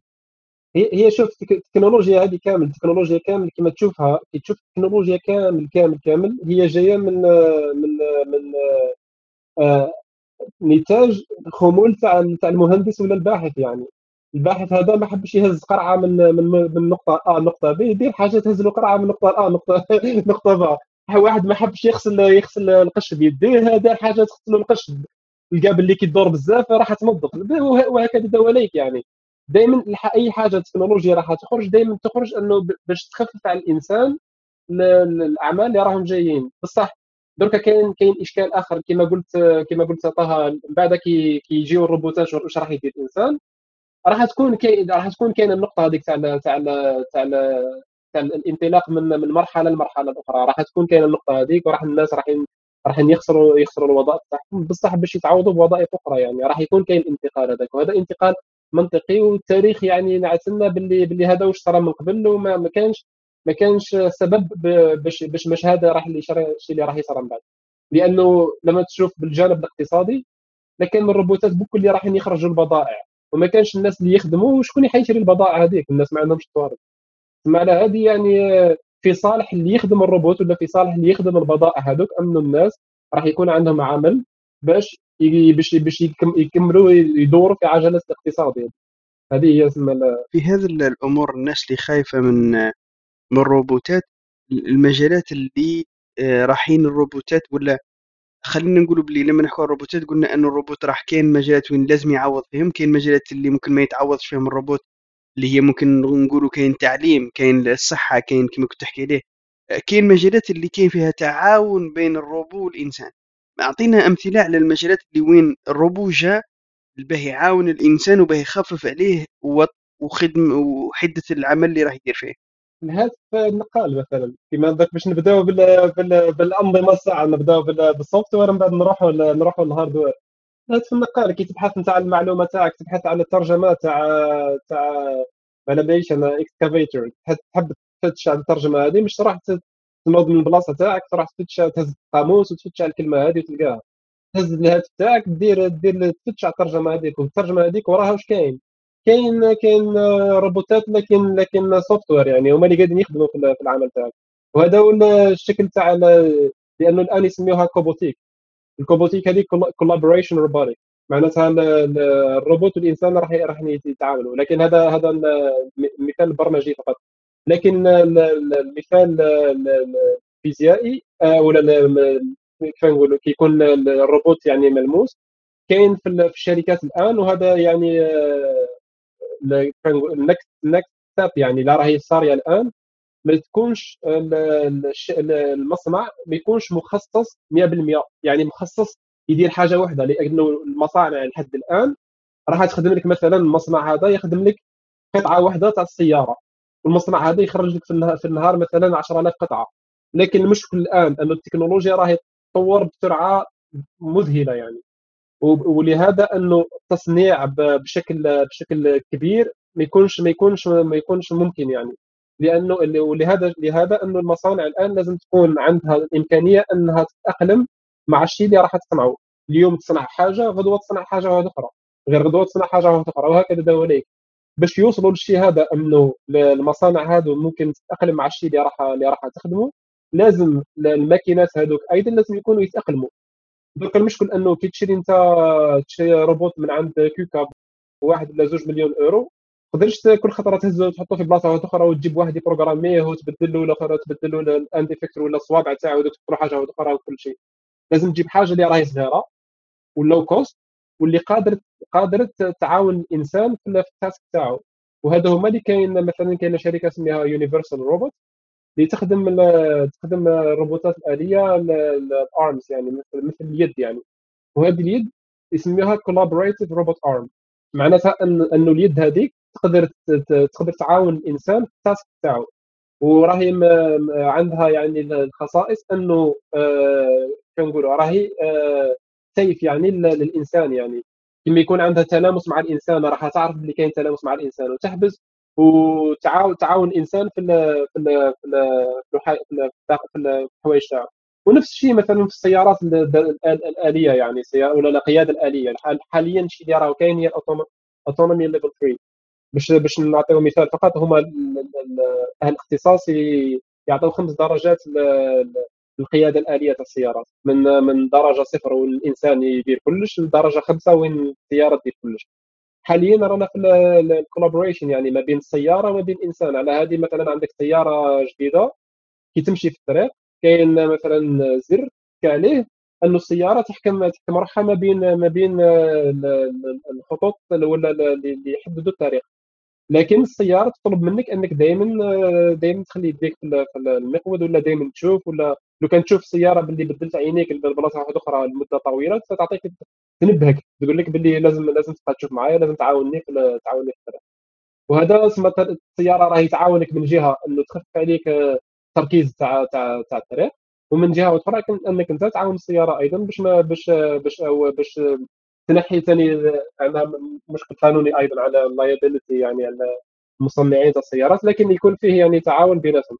وهذه مش حاجة جديدة يعني مثلا ال autopilot ثاني تاع الطائرات هذه ثاني كانت راهي كاينة من, من عدة سنوات انه إنه الماكينة يعني تعاون ويش عيب العنصر البشري ساعات هو الخطر الحقيقي في المجال العمل راك. حكيت على موضوع قبيلة تاع ال collaborative robotics هذه هي مجالي أنا نخدم على الروبوتات تاع كوكا شركة كوكا ونخدم على ال... أنت انك تتكلم على الروبوتات التقليدية تاعهم يعني ال robotic arm اللي فيه ستة محاور بيخدم في المصنع أه. نقولوا غبي بالمفهوم إنه تعطيه البرنامج تاعو تبرمجه تقول له تحرك من نقطة ا إلى النقطه ب ورفد عندك كل روبوت عنده تلصق فيه tool تاعو يعني الآلة هذيك سواء كانت اله باش تحفر ولا باش ترفد حاجة ولا.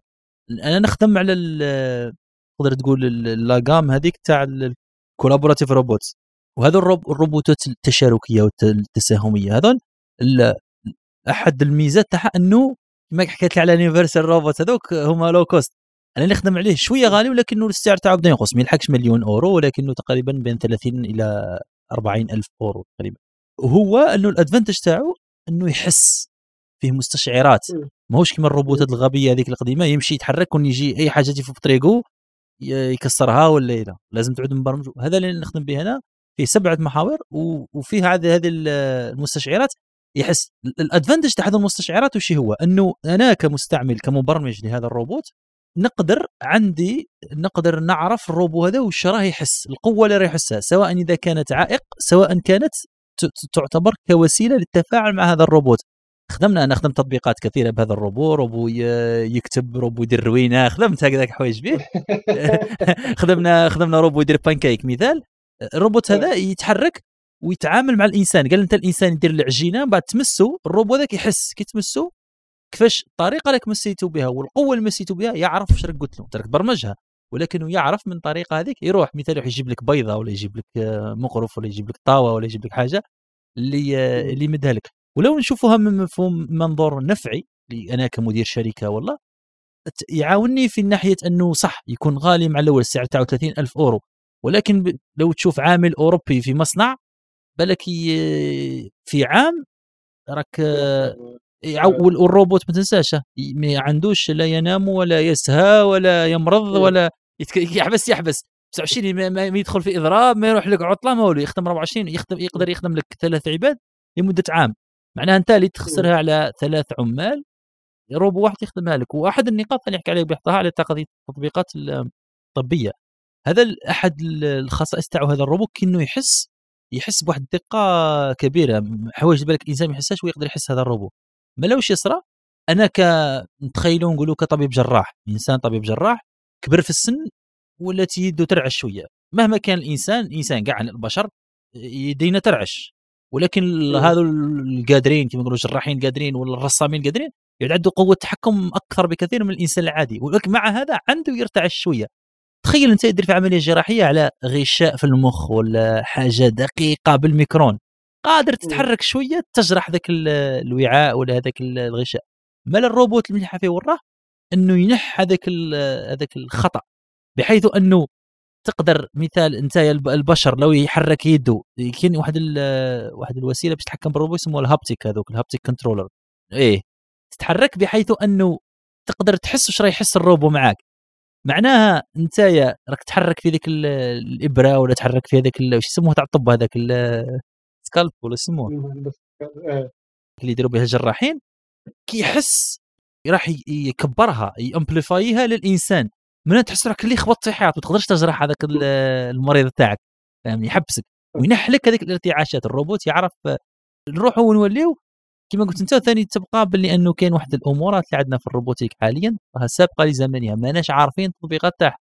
اللي هي منها هذا الروبوت قال علاه خرجوه شركة كوكا خرجوه بيبعثوه لمحطه الفضاء الدولية الفضاء لأنه لو أنت كل مرة تقطع لك خيط ولا تحق دير عمليه صيانة تبعث إنسان يسقام لك مليون ولا زوج ملايين دولار باش تطلعه للسماء تخلي روبوت ثم في الفضاء والإنسان اللي ثم يكونيكتي مع الإنسان في الأرض ويدير عمليات آه، عن بعد. لكن حاليا مازال ماناش لاحقين ونديروا عمليات جراحية كما نقولوا كاملة بطريقه الروبوت. رانا مازلنا في البداية بعض العمليات. هو كاين كاين ما بينش كان سمعت به دافنشي هذا كاين روبوت راهو داز فيه داز فيه مستشفى في مونبولي هما اللي بداو بداو الاستعمال تاعو. دافنشي هذا موش روبوت يعني نقولوا teleoperation يعني روبوت اللي حيتحكم فيه الجراح. الجراح يكون في غرفة والروبوت يكون في غرفة أخرى يعني مقابله. يدي يعملوا بالعمليات الدقيقة. نفس نفس المبدأ اللي حكيت عليه. لكن كاين كاين كاين ميزة أخرى يعني اللي مهمة جدا مثل هذه الروبوتات. بالرغم من أنها روبوتات يعني ماهيش 100% ذاتية التحكم يعني. لكن المتحكم بها عن بعد. لكن الميزة الأساسية أنه مثلا عندك جراح راهو في مكان وعندك عملية ولازم لازم تندار في في في في في, في, في مدة يعني قصيرة جدا في مكان على على مئات الكيلومترات ولا الاف الكيلومترات لكن يكون عندك يعني الإنترنت يعني الهاي سبيد ولا بسرعة سرعة آه، فائقة. الآن في الجزائر هذه ما تمشيش. اسا جي جي جي الباك بن غفر تسكر عليه الفان نقول لك سيدي يموت مسكين يتكى لهم إحنا إحنا حاليا نحكيو على وين كاين وين كاين الأسباب يعني. الأسباب انه تكون كاين الانترنت بسرعة فائقة. يعني درك نستثنيو البلدان وين ما فيهاش أنا أنا لا أوافقكم الراي الإنترنت كي اذا connectéت في الفجر ولا ثلاثة تاع الصباح كاين اللي يحوس يخدم في الإنترنت. تمشي زين الصباح وخطيك العشية. المش... المشكلة كنت تسنى 3 الصباح قادر يموت لك السيد هذاك السيد اللي لازم كان تسنى 3 الصباح باش باش باش connecté له الروبو مشكلة على بالك. لكن ب... لكن هذا هذه يعني داروا تجارب يعني أنه الجراح آه، في في قارة والمريض في قارة أخرى ويعمل يعني العمليات باستعمال الروبوت عن بعد يعني. هذه هذه تجارب يعني اللي اللي راهم يخدموا عليها عندهم درك عامين ثلاث سنين الآن راني متاكد أنهم يعني زادوا أظن واحدة أول واحدة داروها وقيل كان طبيب في جنوب إفريقيا والمريض ها سقلي ربي. المريض كان وقيل في جنوب إفريقيا وطبيب كان في إنجلترا ولا أمريكا ولا اول واحدة دارت عندها سنين. امم لا فيها يعني فيها وهذه نفس الشيء يعني في الطائرات من دون طيار يعني drones لأنه الواحد كيما يسمع drones لك يروح يروح الطائرات الحربية يعني. الطائرات الحربية هما يعني teleoperated بصح هذو اللي نستعملهم إحنا في الزراعة مثلا راهم عندك الإمكانية تاع ال teleoperated بصح اللي نستعملهم إحنا راهم يعني آلية آه، ذاتية التشغيل يعني ما دير والو. تكا على على take off تخليه يدبر راسه تعطي له النقاط اللي لازم يمشي, عليهم هو يدبر راسه في يدبر راسه في البقيه لكن باش باش نرجعوا للروبوت أنه راح يعوض الإنسان راح يعوضوا يعني في, في الأشياء وين لازم وين لازم يعوضوا يعني هذا شيء لا مناص منه لأنه اقتصاديا وخاصة انسانيا يعني أيضا. لأنه مثلا عمال المناجم وكل شيء ما, تقدرش كل خطرة تبعث تبعث عباد ل 3 كيلومتر تحت سطح الأرض وتخليه تخليه يتمرمد تما بعد ما يصرى يصرى يعني يصرى تما يشرب مشكله راح يموتوا تما هادو حوايج لازم لازم لازم الروبوت يعوض الإنسان. كما مثال المريخ حاليا. لو لو جيت تبعث إنسان للمريخ يستقام لك البقرة بنتها. يعني راح نقولوا تبعث إنسان لمدة باش يلحق المريخ يضرب ست أشهر إلى نقولوا سبع أشهر إلى حتى ثمان أشهر باش يوصل. من بعد كي يوصل ثم شحال راح يقعد؟ من بعد كي يقعد. هل راح يدي معاه كما نقولوا هنا الزاد تاعو معاه؟ ماكلته وشراب والإنسان لازم يعيش ثم؟ من بعد. عنده مدة صغيرة راح يقدر يقعدها بالك أسبوعين ثلاثة ولا لأنه المريخ والأرض راهم يدوروا نحو نحو حول الشمس. كون ما يتلاقاوش. كون ما يقربوش على بعضهم يعودوا في الاتجاه معاكس. راح ما تديكش الرحلة سبع اشهر تديك ربع سنين. معناها لازم تستنى بعد عامين حتى الأرض والمريخ يعاودوا يتلاقاو. معناها عملية كما هذه راح تتقام لك ملايير الدولارات باش تبعث إنسان ولا زوج. ناهيك عن الاخطار اللي يواجهها الإنسان. كيف يقدر يعيش لمدة سبعة أشهر في الفضاء هكذاك طاير. ما ما عنده أثر انعدام الجاذبية والاشاعات الكونية هذيك تضرب فيه والاشاعات الشمسية وكاع. أنا قادر يموت لك في الطريق ولكن الروبوت كما بعثنا عدة مرات بعثنا هذوك المصابير rovers هذو اللي راها حاليا درك عندك Perseverance عندنا Curiosity عندنا بزاف عندنا InSight عندنا الصين مؤخرا ثاني بعثت ال rover تاعها. جابوا لنا كما يقولوا نتائج ما تخيلش. وراهم رايحين يديروا إيلون موسك راح يبعث قبل ما يبعثوا الإنسان راح يبعثوا هذاك الصاروخ تاعهم Starship بحيث إنه يكون محمل من قبل باه يوجدوهم وراهم يخموا يخدموا روبوتات اللي تبني لهم يقولوا هنا كما نقولوا هنا قبب domes هذوك اللي يقدر الإنسان يعيش لأنه ما كانش المريخ ما فيهش غلاف جوي يعني تموت لو تخرج من غير هذيك البزه ولا اللباس اللي يحميك ولازم بالك تحت الأرض. شوف أهمية الروبوتات اكتشاف الفضاء ولا حتى في في الأرض هنا في اسمه المحيطات. رانا نبعثوا غواصات آه، روبوتات نبعثوهم آه، ولا كما قلت أنت قبيلة عملية الإنقاذ ولا كما قلت كي شعيب اللي آه، اسمه المناجم. تبعث منجم انساني تخلق إنك لا تعطي مثال اللي الجزائريين يقدروا يقدروا يقدروا يستحيلوه يعني. دائما يقول لك صار الانقطاع على الإنترنت لأنه صار صار مشكل في في في الخيط البحري اللي يربط الجزائر بأوروبا. وهذه يعني هذو حوايج يصراو صح يعني الواحد ما القرش القرش كان يكدد بال... القرش حسب حسب التيو تاع الانترنت حسبه عظمة قاعد يكدد فيه عضو هذا صح يصراو هذوك الحوايج. قادر قادر كشما كشما بابور يعدي يخلي الحوايج تحت يقيس المهم الحوايج هذو حاليا كاين كاين يعني كاين أنظمة روبوتية اللي تقدر دير ال inspection ودير يعني كنقولوا تشوف اش كاين تما تشوف وين راح المشكل وتحدد البلاصة تاعو ودير له تعطي لهم سواء إذا كان فيه يعني آه، شيء خفيف اللي يقدر يديروا الروبو ويديروا الروبو ولا على الأقل يعرفوا البلاصة بشكل محدد ماشي يبعثوا غواصين أو أو ولا ولا ولا غواصات كبار باش يهبطوا تحت ويشوفوا وين جهة وين جهة كاين المشكل وين جهة كاين الانقطاع وين جهة على آلاف الكيلومترات. وهذا راح ينقص يعني الوقت اللي يكون تاع ال maintenance يعني.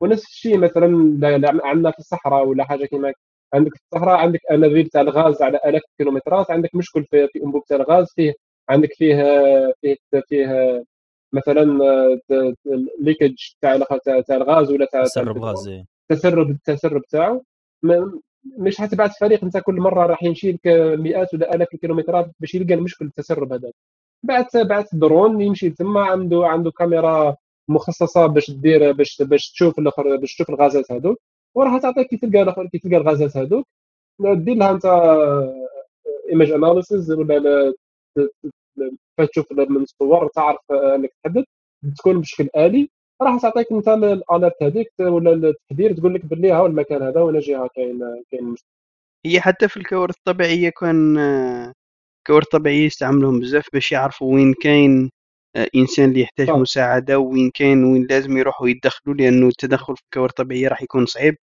وثاني حتى الطرق ممكن يكونوا آه، يعني مقطوعين و فالروبوتات والدرون عموما يعاونونا في أننا نتجنبوا ونكونوا يعني أكثر دقة في التدخلات اللي الإنسان قادر تكون مكلفة ولا الإنسان قادر يكون تكون فيها تعرض حياته حتى, حتى السعر حتى السعر لأنه لو تقارن السعر تاع الدرون مع الحل التقليدي اللي هو نقولوا هليكوبتر فرق كبير كاين واحد المثال واحد القرى في سويسرا طرق جيب جبلية لو جهة تطلع لها أنت بالكروسه نقولوا تقعد 20 دقيقة باش تبقى الدور تطلع ولكن درون. يطلعها في مش عارف نقولوا في ثواني ولا أقل من دقيقة لأنه يطلع نقولوا مم. 1500 متر ولا 1000 متر ولا فف يعقبها يجري تبعث الدواء.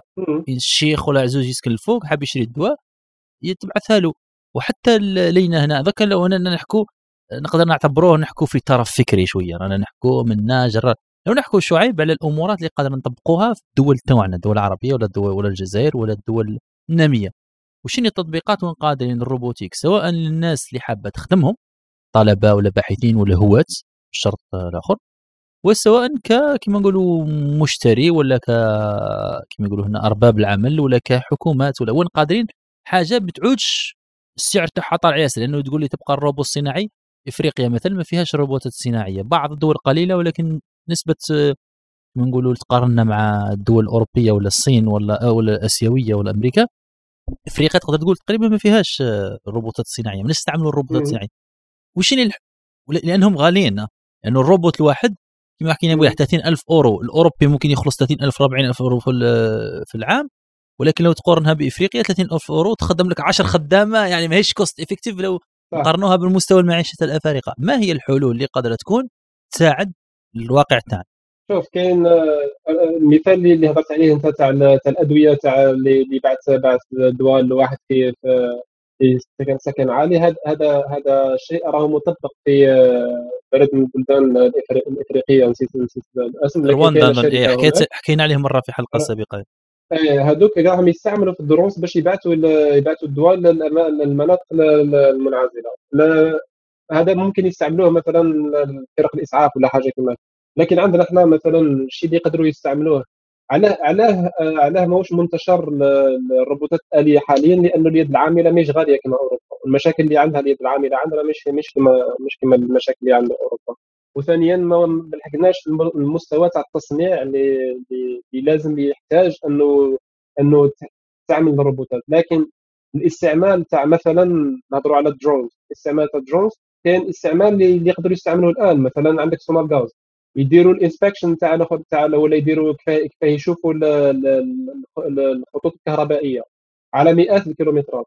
ما تحتاج حتى تقطع الخيط ولا يصرى مشكل باش باش تعرف وين الجهة. تقدر دير يعني الروتينية ال- ال- ال- ال- الدورات الروتينية تاعك تعملها بدرون يعني. ماشي تبعث الفريق تاعك على الجبال هذا مثال. مثال ثاني مثلا في الصحراء عندنا في ال في ال في ال- الأنابيب تاع تاع الغازات ولا في في ال- في الاستخ- الاستخراج تاع تاع جا كاين حقول حقول النفط.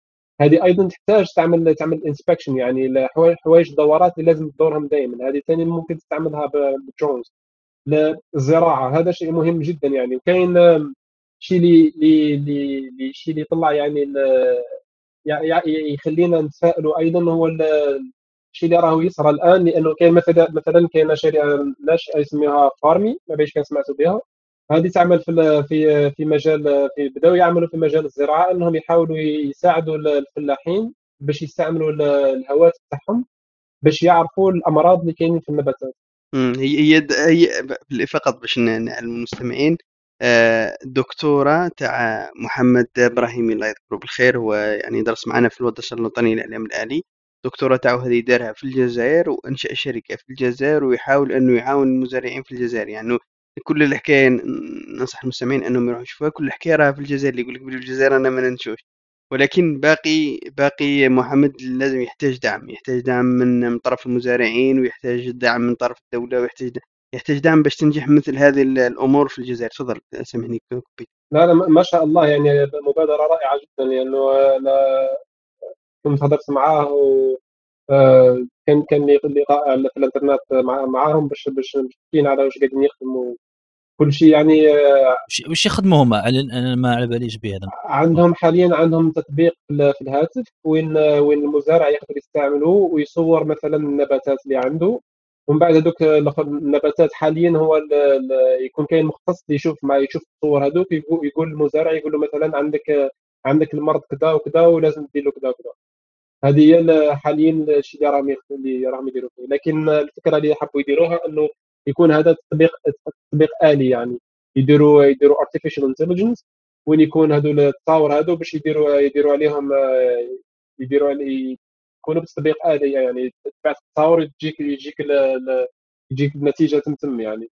هذا هذا مثال من الأمثلة. وعندهم يعني عندهم طموحات أخرى يعني اكبر اكبر أكبر من هذا. وربي يوفقهم إن شاء الله في هذا يعني في مجال الزراعة أيضا كاين يعني مجالات كبيرة في وكاين حاليا كاين كاين بعض ما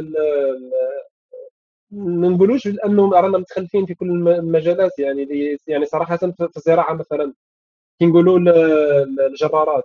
الجرارات حاليا لهنا في البلدان الأوروبية عندها ال autopilot باش يمشيها من نقطة ا لنقطه نقطة ب ألف من نقطة ب بدا تستعمل ال GPS. هذه كاينة في الجزائر. كاين بعض بعض الجرارات في الجزائر اللي يستعملوا يستعملوا التكنولوجيا هذه.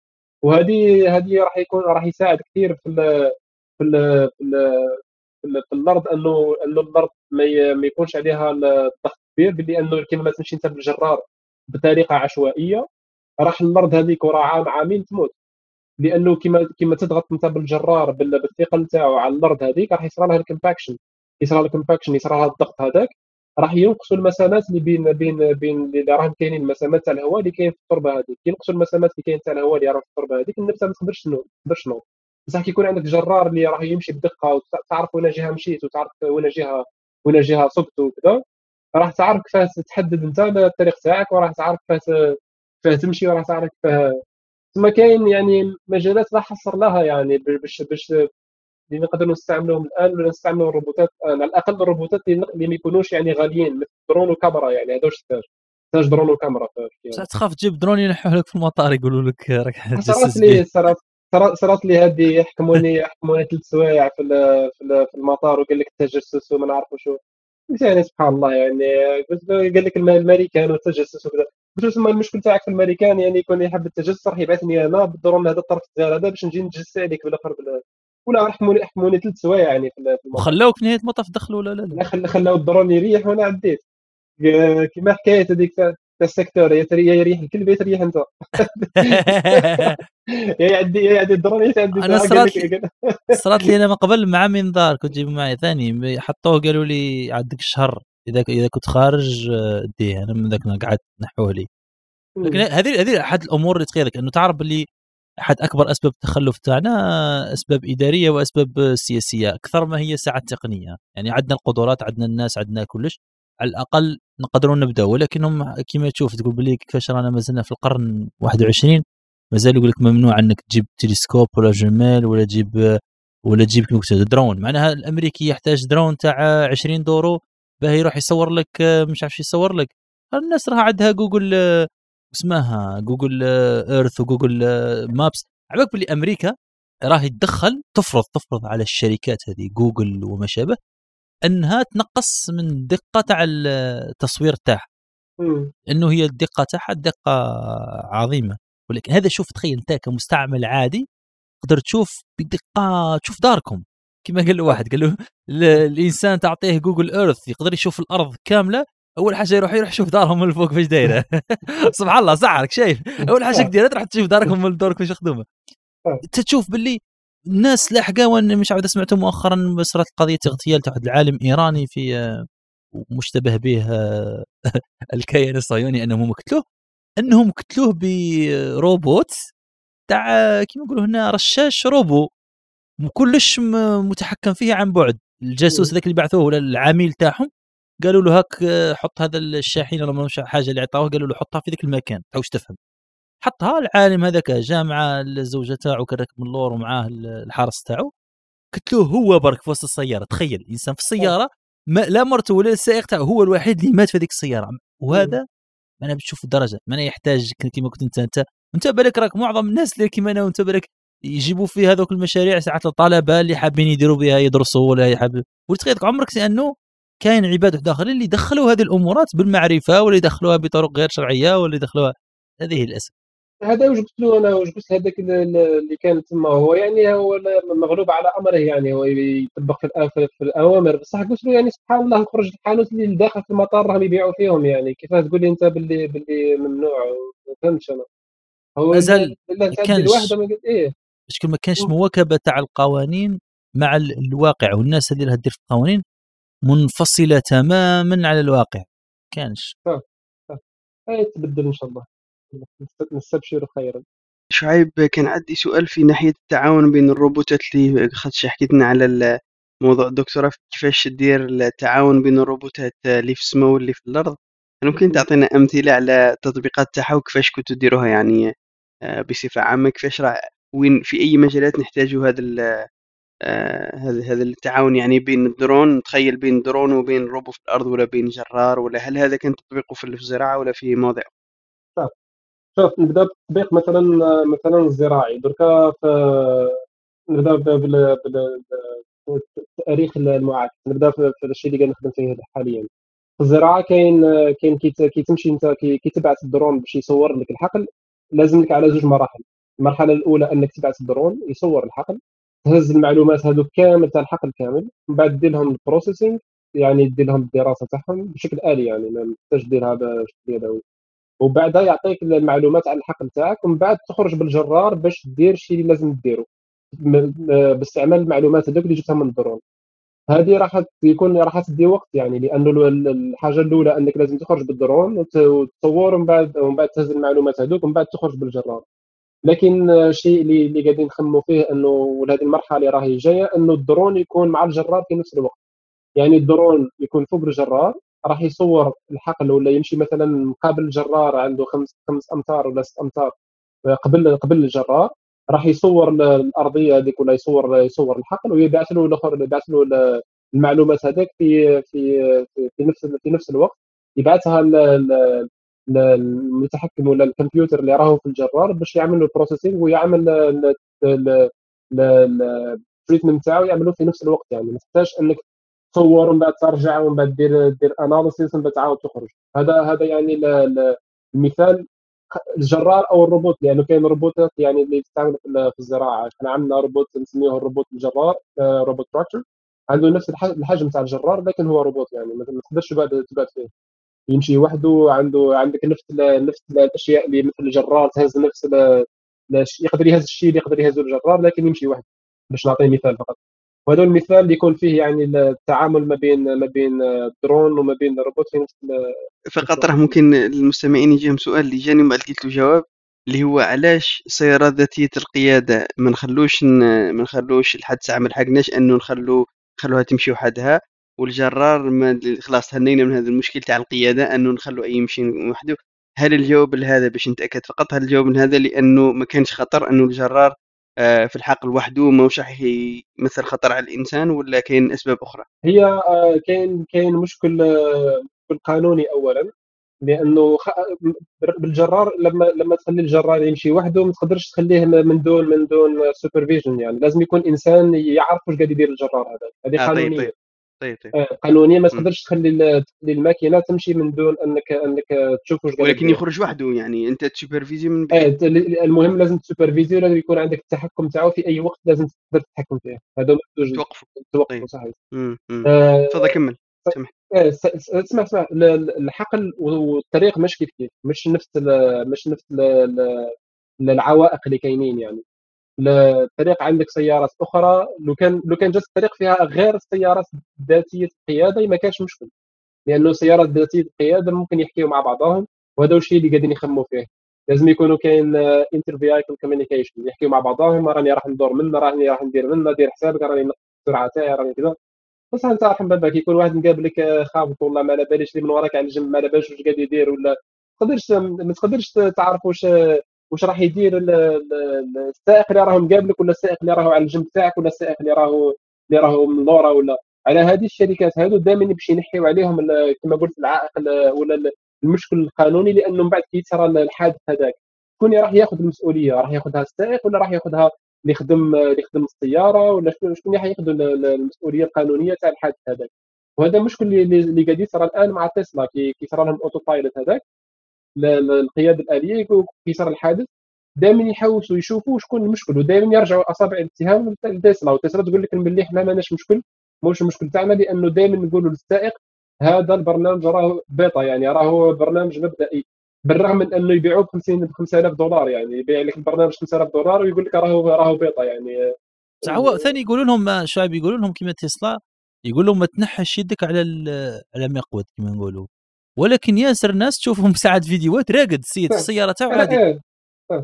أثرتها شعيب. العنصر البشري هو اللي يجيب الامورات غير المتوقعة. ال- الماشين هذا مشكل هذا راه صار يا واحد في أمريكا حاليا وفي العالم عادة آه، ب- بحال بصفة عامة.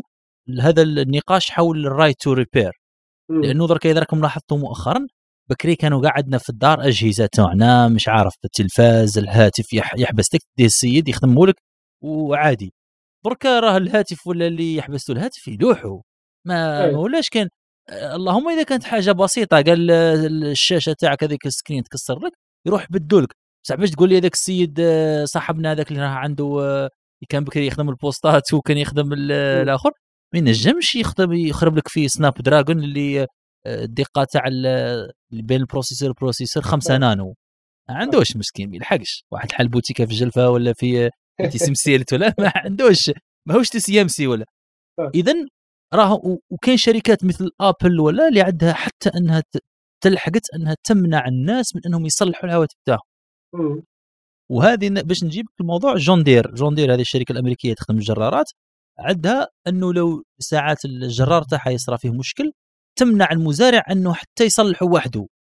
هما قالوا لهم ومزارعين داروا ضغط الحكومة الأمريكية باش وراه كاين حركة اسمها ال right to repair هذه اللي راهم يقودوا. فيها جماعة التكنولوجيا خلونا أعطونا أعطونا الوثائق تاع ال- الآلات وخلونا هنا نصلحوهم. هو ال- الشركات اظن ماذا بها باش يبيع لك هو القطع الغيار الغالية وماذا به ثاني باش تجي تصلح عنده. Apple مثال. ليس من مصلحتها إنك تروح تشتري تا قطعة غيار ب 5 دولار وتبدلها وحدك. ماذا بك تجيبها عند عندهم؟ تروح لل Genius هذاك شاشيني يخبطك مم. 300 ولا 400 دولار ويعاود لك حاجة بسيطة ولكن ثاني عندهم آه، كما نقولوا في في ال argument تاعهم كاين آه، نوع من ال- الحقيقة واللي هي أنه يقول لك يا ودي كما جون دير قال لهم كون نسمح للمزارع أنه يخلي الماشينة تاعو تمشي بالرغم من المشاكل فيها نهار تصرى الكارثة إحنا هنا هنا اللي ندوا ضربه. نفس الشيء تاع تسلا تقدر تقول تسلا أنت معليش آه، حاجة تاع حماية والله خليني نديزاكتيفيها معليش أنا ياك أنا نتحمل مسؤوليتي. بس مم. نهار تصرى الكارثة. آه، شئنا أم أبينا كما نقولوا حتى لو كانت لم تكن مسؤوليتهم القانونية راح تكون مسؤولية أخلاقية وراح تكون ثاني كما نقولوا إعلان سيء. باد بابليستي لما صرات في إن كوكا شركة كوكا نتعامل معها أنا كثيرا بحكم أني نستعمل الروبوت تاعها تقريبا درك راني في ست سنين ولا سبع سنين. مرة خدمنا مشروع آه، نخدم خدمنا مشروع مع مع رولان جاروس ل- تاع فرنسا الهيئة الفرنسية للتنس. خدمنا لهم روبوتات يلعبوا تنس مع الناس. المهم استحبينا مع الأول نستعملوا الروبوت هذا اللي collaboratif اللي قلت لك فيه آه، يحس وجاي كما نقولوا هنا safe. من فهم أنه لو جاء إنسان حذاه يحس به ما يضربوش ما يكس ما ي- ما يكرازيلكش يدك كما نقول.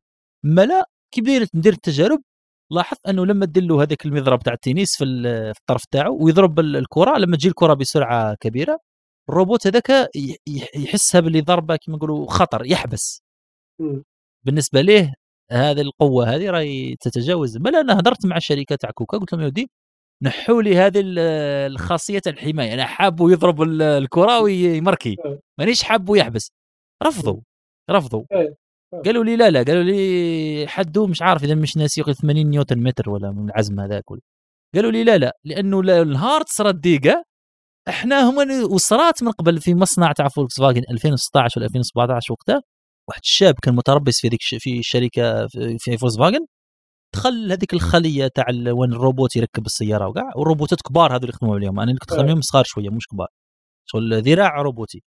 كبير. هي الروبوت في نفسه عنده عدة مراحل تاع حمايه يعني انت كإنسان مبرمج عندك كما نقولوا آه، امتيازات أكثر من الإنسان اللي حيستعمله برك تقدر تنحي له حوايج المهم هذاك الشاب وش راح دار هو عادة كي تحل هذيك الخلية جاية كل كل قفص عادة أه. غير تحلها يحبس ما يتحرك مم. ولكنه هو نح كل كل هذوك الإجراءات تاع الحماية نحهم ودخل وطلق الروبوت يمشي بأقصى قوة له باقصى سرعه.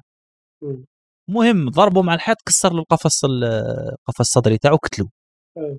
الخطأ كان كما نقولوا الإنسان هذا خطأ 100% بشري لأنه هذاك الشاب حل الباب عطل كل وسائل هذيك تاع الإجراءات الحماية وكاع ولكن لو تشوف في الوسائل الإعلام كجرو يقول لك روبوت من صناعة كوكا قتل إنسان.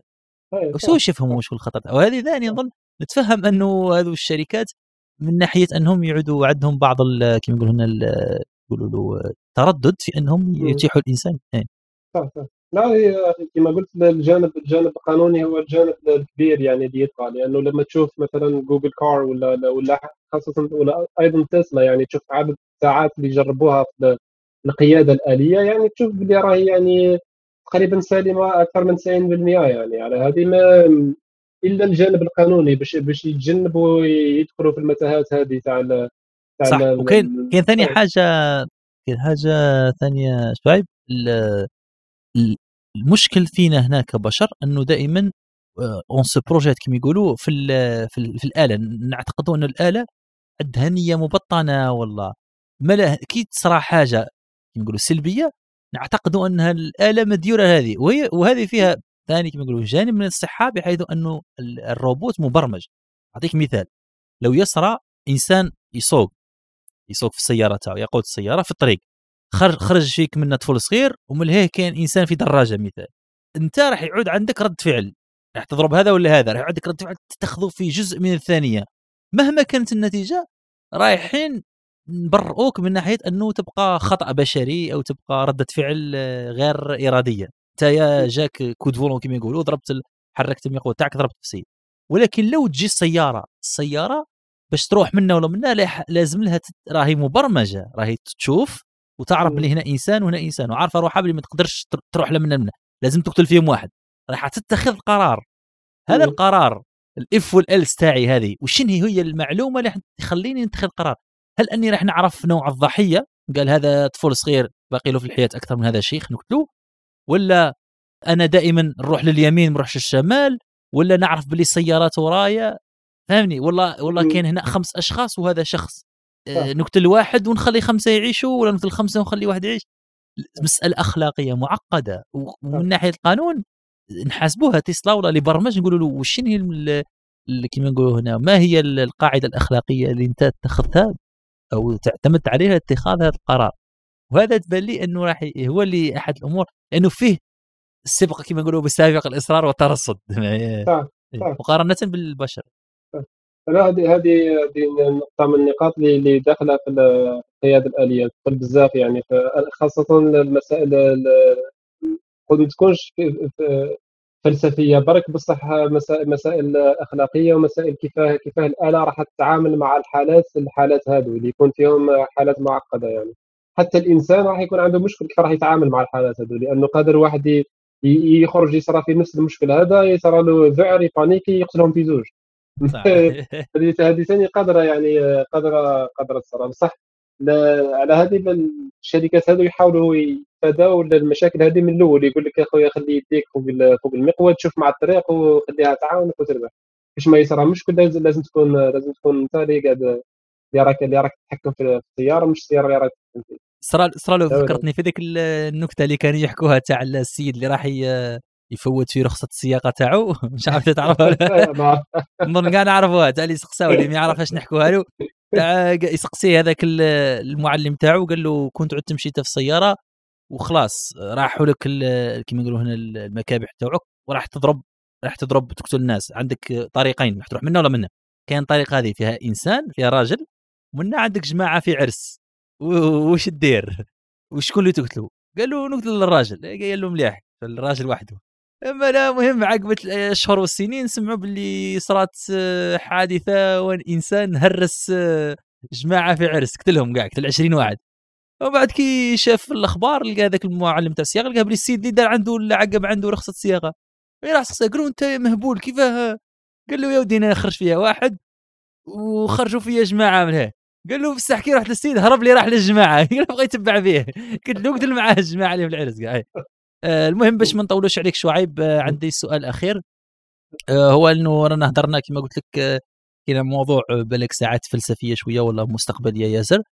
باش ما نخلوهاش في طرف علمي وش النصيحة تاعك للطلبة اللي يسمعوا فينا ولا الهواة اللي حابين يخربوا شوية في الروبوتيك ويتعلموا الروبوتيك سواء من الناحية الأكاديمية أو المسار مهني أو سواء حتى الهواة وش الأمورات اللي قادرين يبدأوا بها باه يتعلموا باه يتقدموا في هذا المجال؟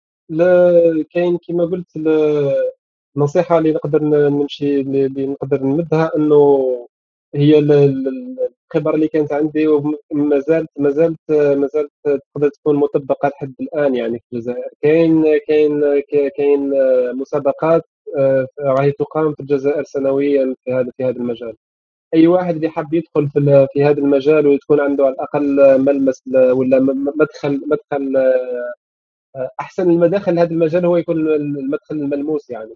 مش راح تشوف برك الفيديوهات في اليوتيوب وتقرأ ودير لكن يكون عندك الملموس وراح تشارك في هذا مثل هذه المسابقات راح يكون عندك يكون عندك مدخل مدخل جيد. وكاين مسابقات اللي تقام يعني كاين كاين منظمة اسمها أوريا في وهران اللي راهي تنظم في المسابقات هذو. كاين أظن انه في العاصمة كاين في قسنطينه كاين يعني الواحد اللي اللي يحب يحب يدخل في المجال هذا هذا هذا هو هذا هو المدخل يعني مدخل من المداخل لكن لكن الطلبة آه، صراحة المجال تاع الروبوتيك ما لازمش الواحد يكون محصور في تخصص يعني دقيق جدا يعني خاصة أنه المجال هذا مازال يعني ما وصلنالوش في الجزائر للأسف.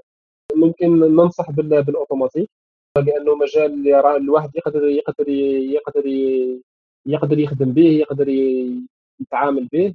لكن لكن في ال robotique الأحسن أنه الواحد يشوف حل المشكل محدود يعني يحدد أنه كاين مشكل في الجزائر وكاين كاين المشكل هذا يقدر يدير له حل بالتكنولوجيا هذه ولا بال robotique. ما يدخلش بال robotique بشكل عام لكن يبدأ ما يبداش بالمشكل العكسي يعني لأنه خاص عادة في مجال البحث العلمي آه تقريبا أغلبية تاع تاع الباحثين يتخيلوا المشكل ويحاولوا يلقاو له الحل تاعو ومن بعد يمشيو يمشيو في الطريق هذا. وقادر المشكل هذاك ما يكونش كاين خلاص. يكون يكون مشكل اللي راح يصرى بالك من على ألف عام ولا مش حيصرى خلاص.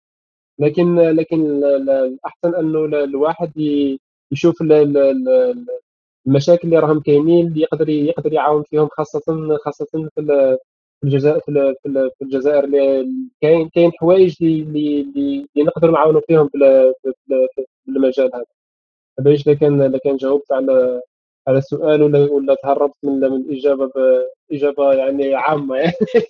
باش ما نقول باش ما نقولش برك يعني لأنه الواحد لازم لازم يقابل الشيء يعني كما الأشياء كما هي يعني المجال تاع الروبوتيك والواحد مازال مازال يعني مازال ما مازال ما لحقنالوش لكن لكن مثلا هذه كما كما المثال اللي قالت تعمل فيها شركه الشركة الناشئة هذه فارمي امثله آلاف الأمثلة اللي ممكن اللي ممكن يعملوها نفس نفس الشيء يعني. مثلا تخيل انت عندك واحد راهو يمشي في عنده سيارة والسيارة هذه فيها فيها كاميرات والكاميرات هذو مقابلين الطريق.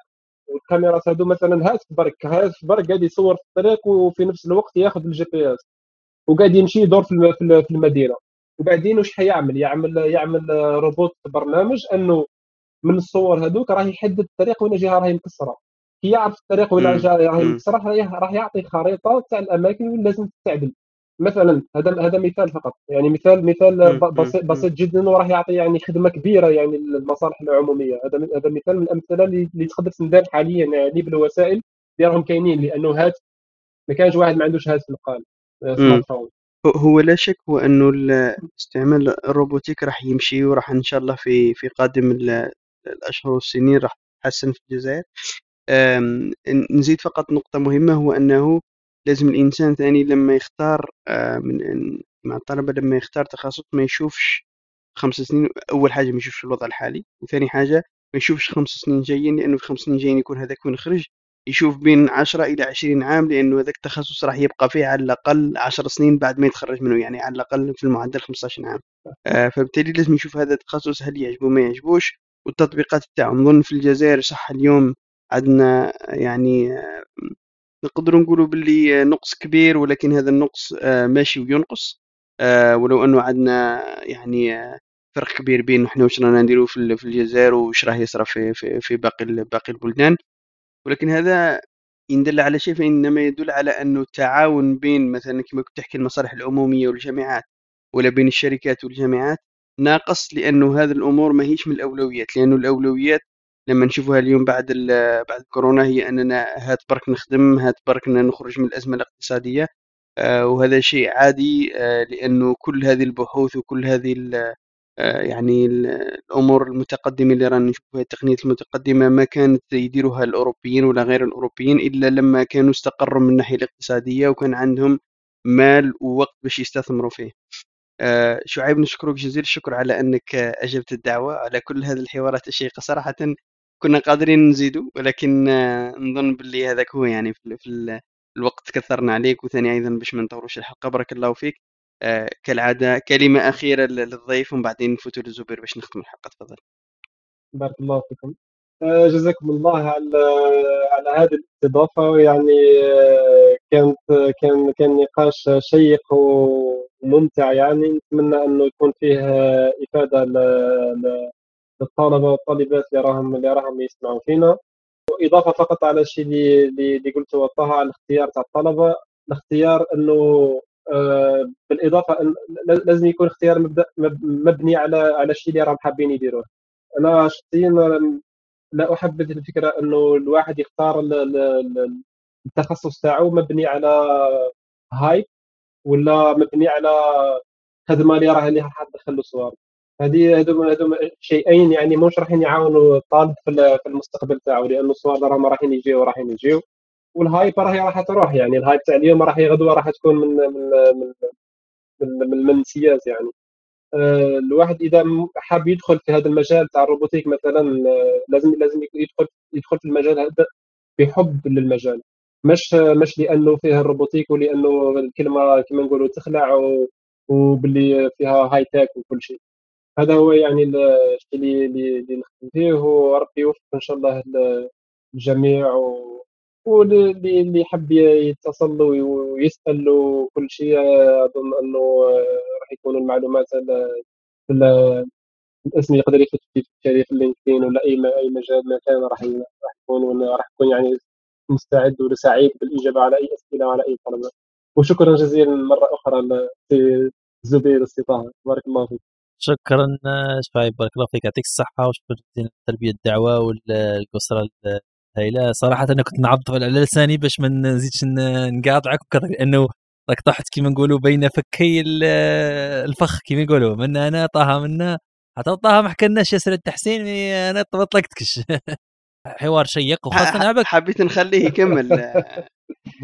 لا خاصة أنا نحب نحب ياسر كما نقولوا هنا هذا الخيال العلمي ولا نشوف النقاش الفلسفي في التكنولوجيا في روحها لأنها بالرغم من أن ماناش حاسين به دركا بصح رانا نتبدلوا راه البشر في روحه راه يتبدل مع التكنولوجيا. هنا كبشر حاليا عاداتنا وكيفاش نهضروا وكيفاش رانا نتصرفوا وكيفاش نتعامل how we interface مع العالم راها تبدلت بطريقة جذرية في العشرين سنة الأخيرة هذه. ولات عندنا هواتف ولات عندنا روبوتات.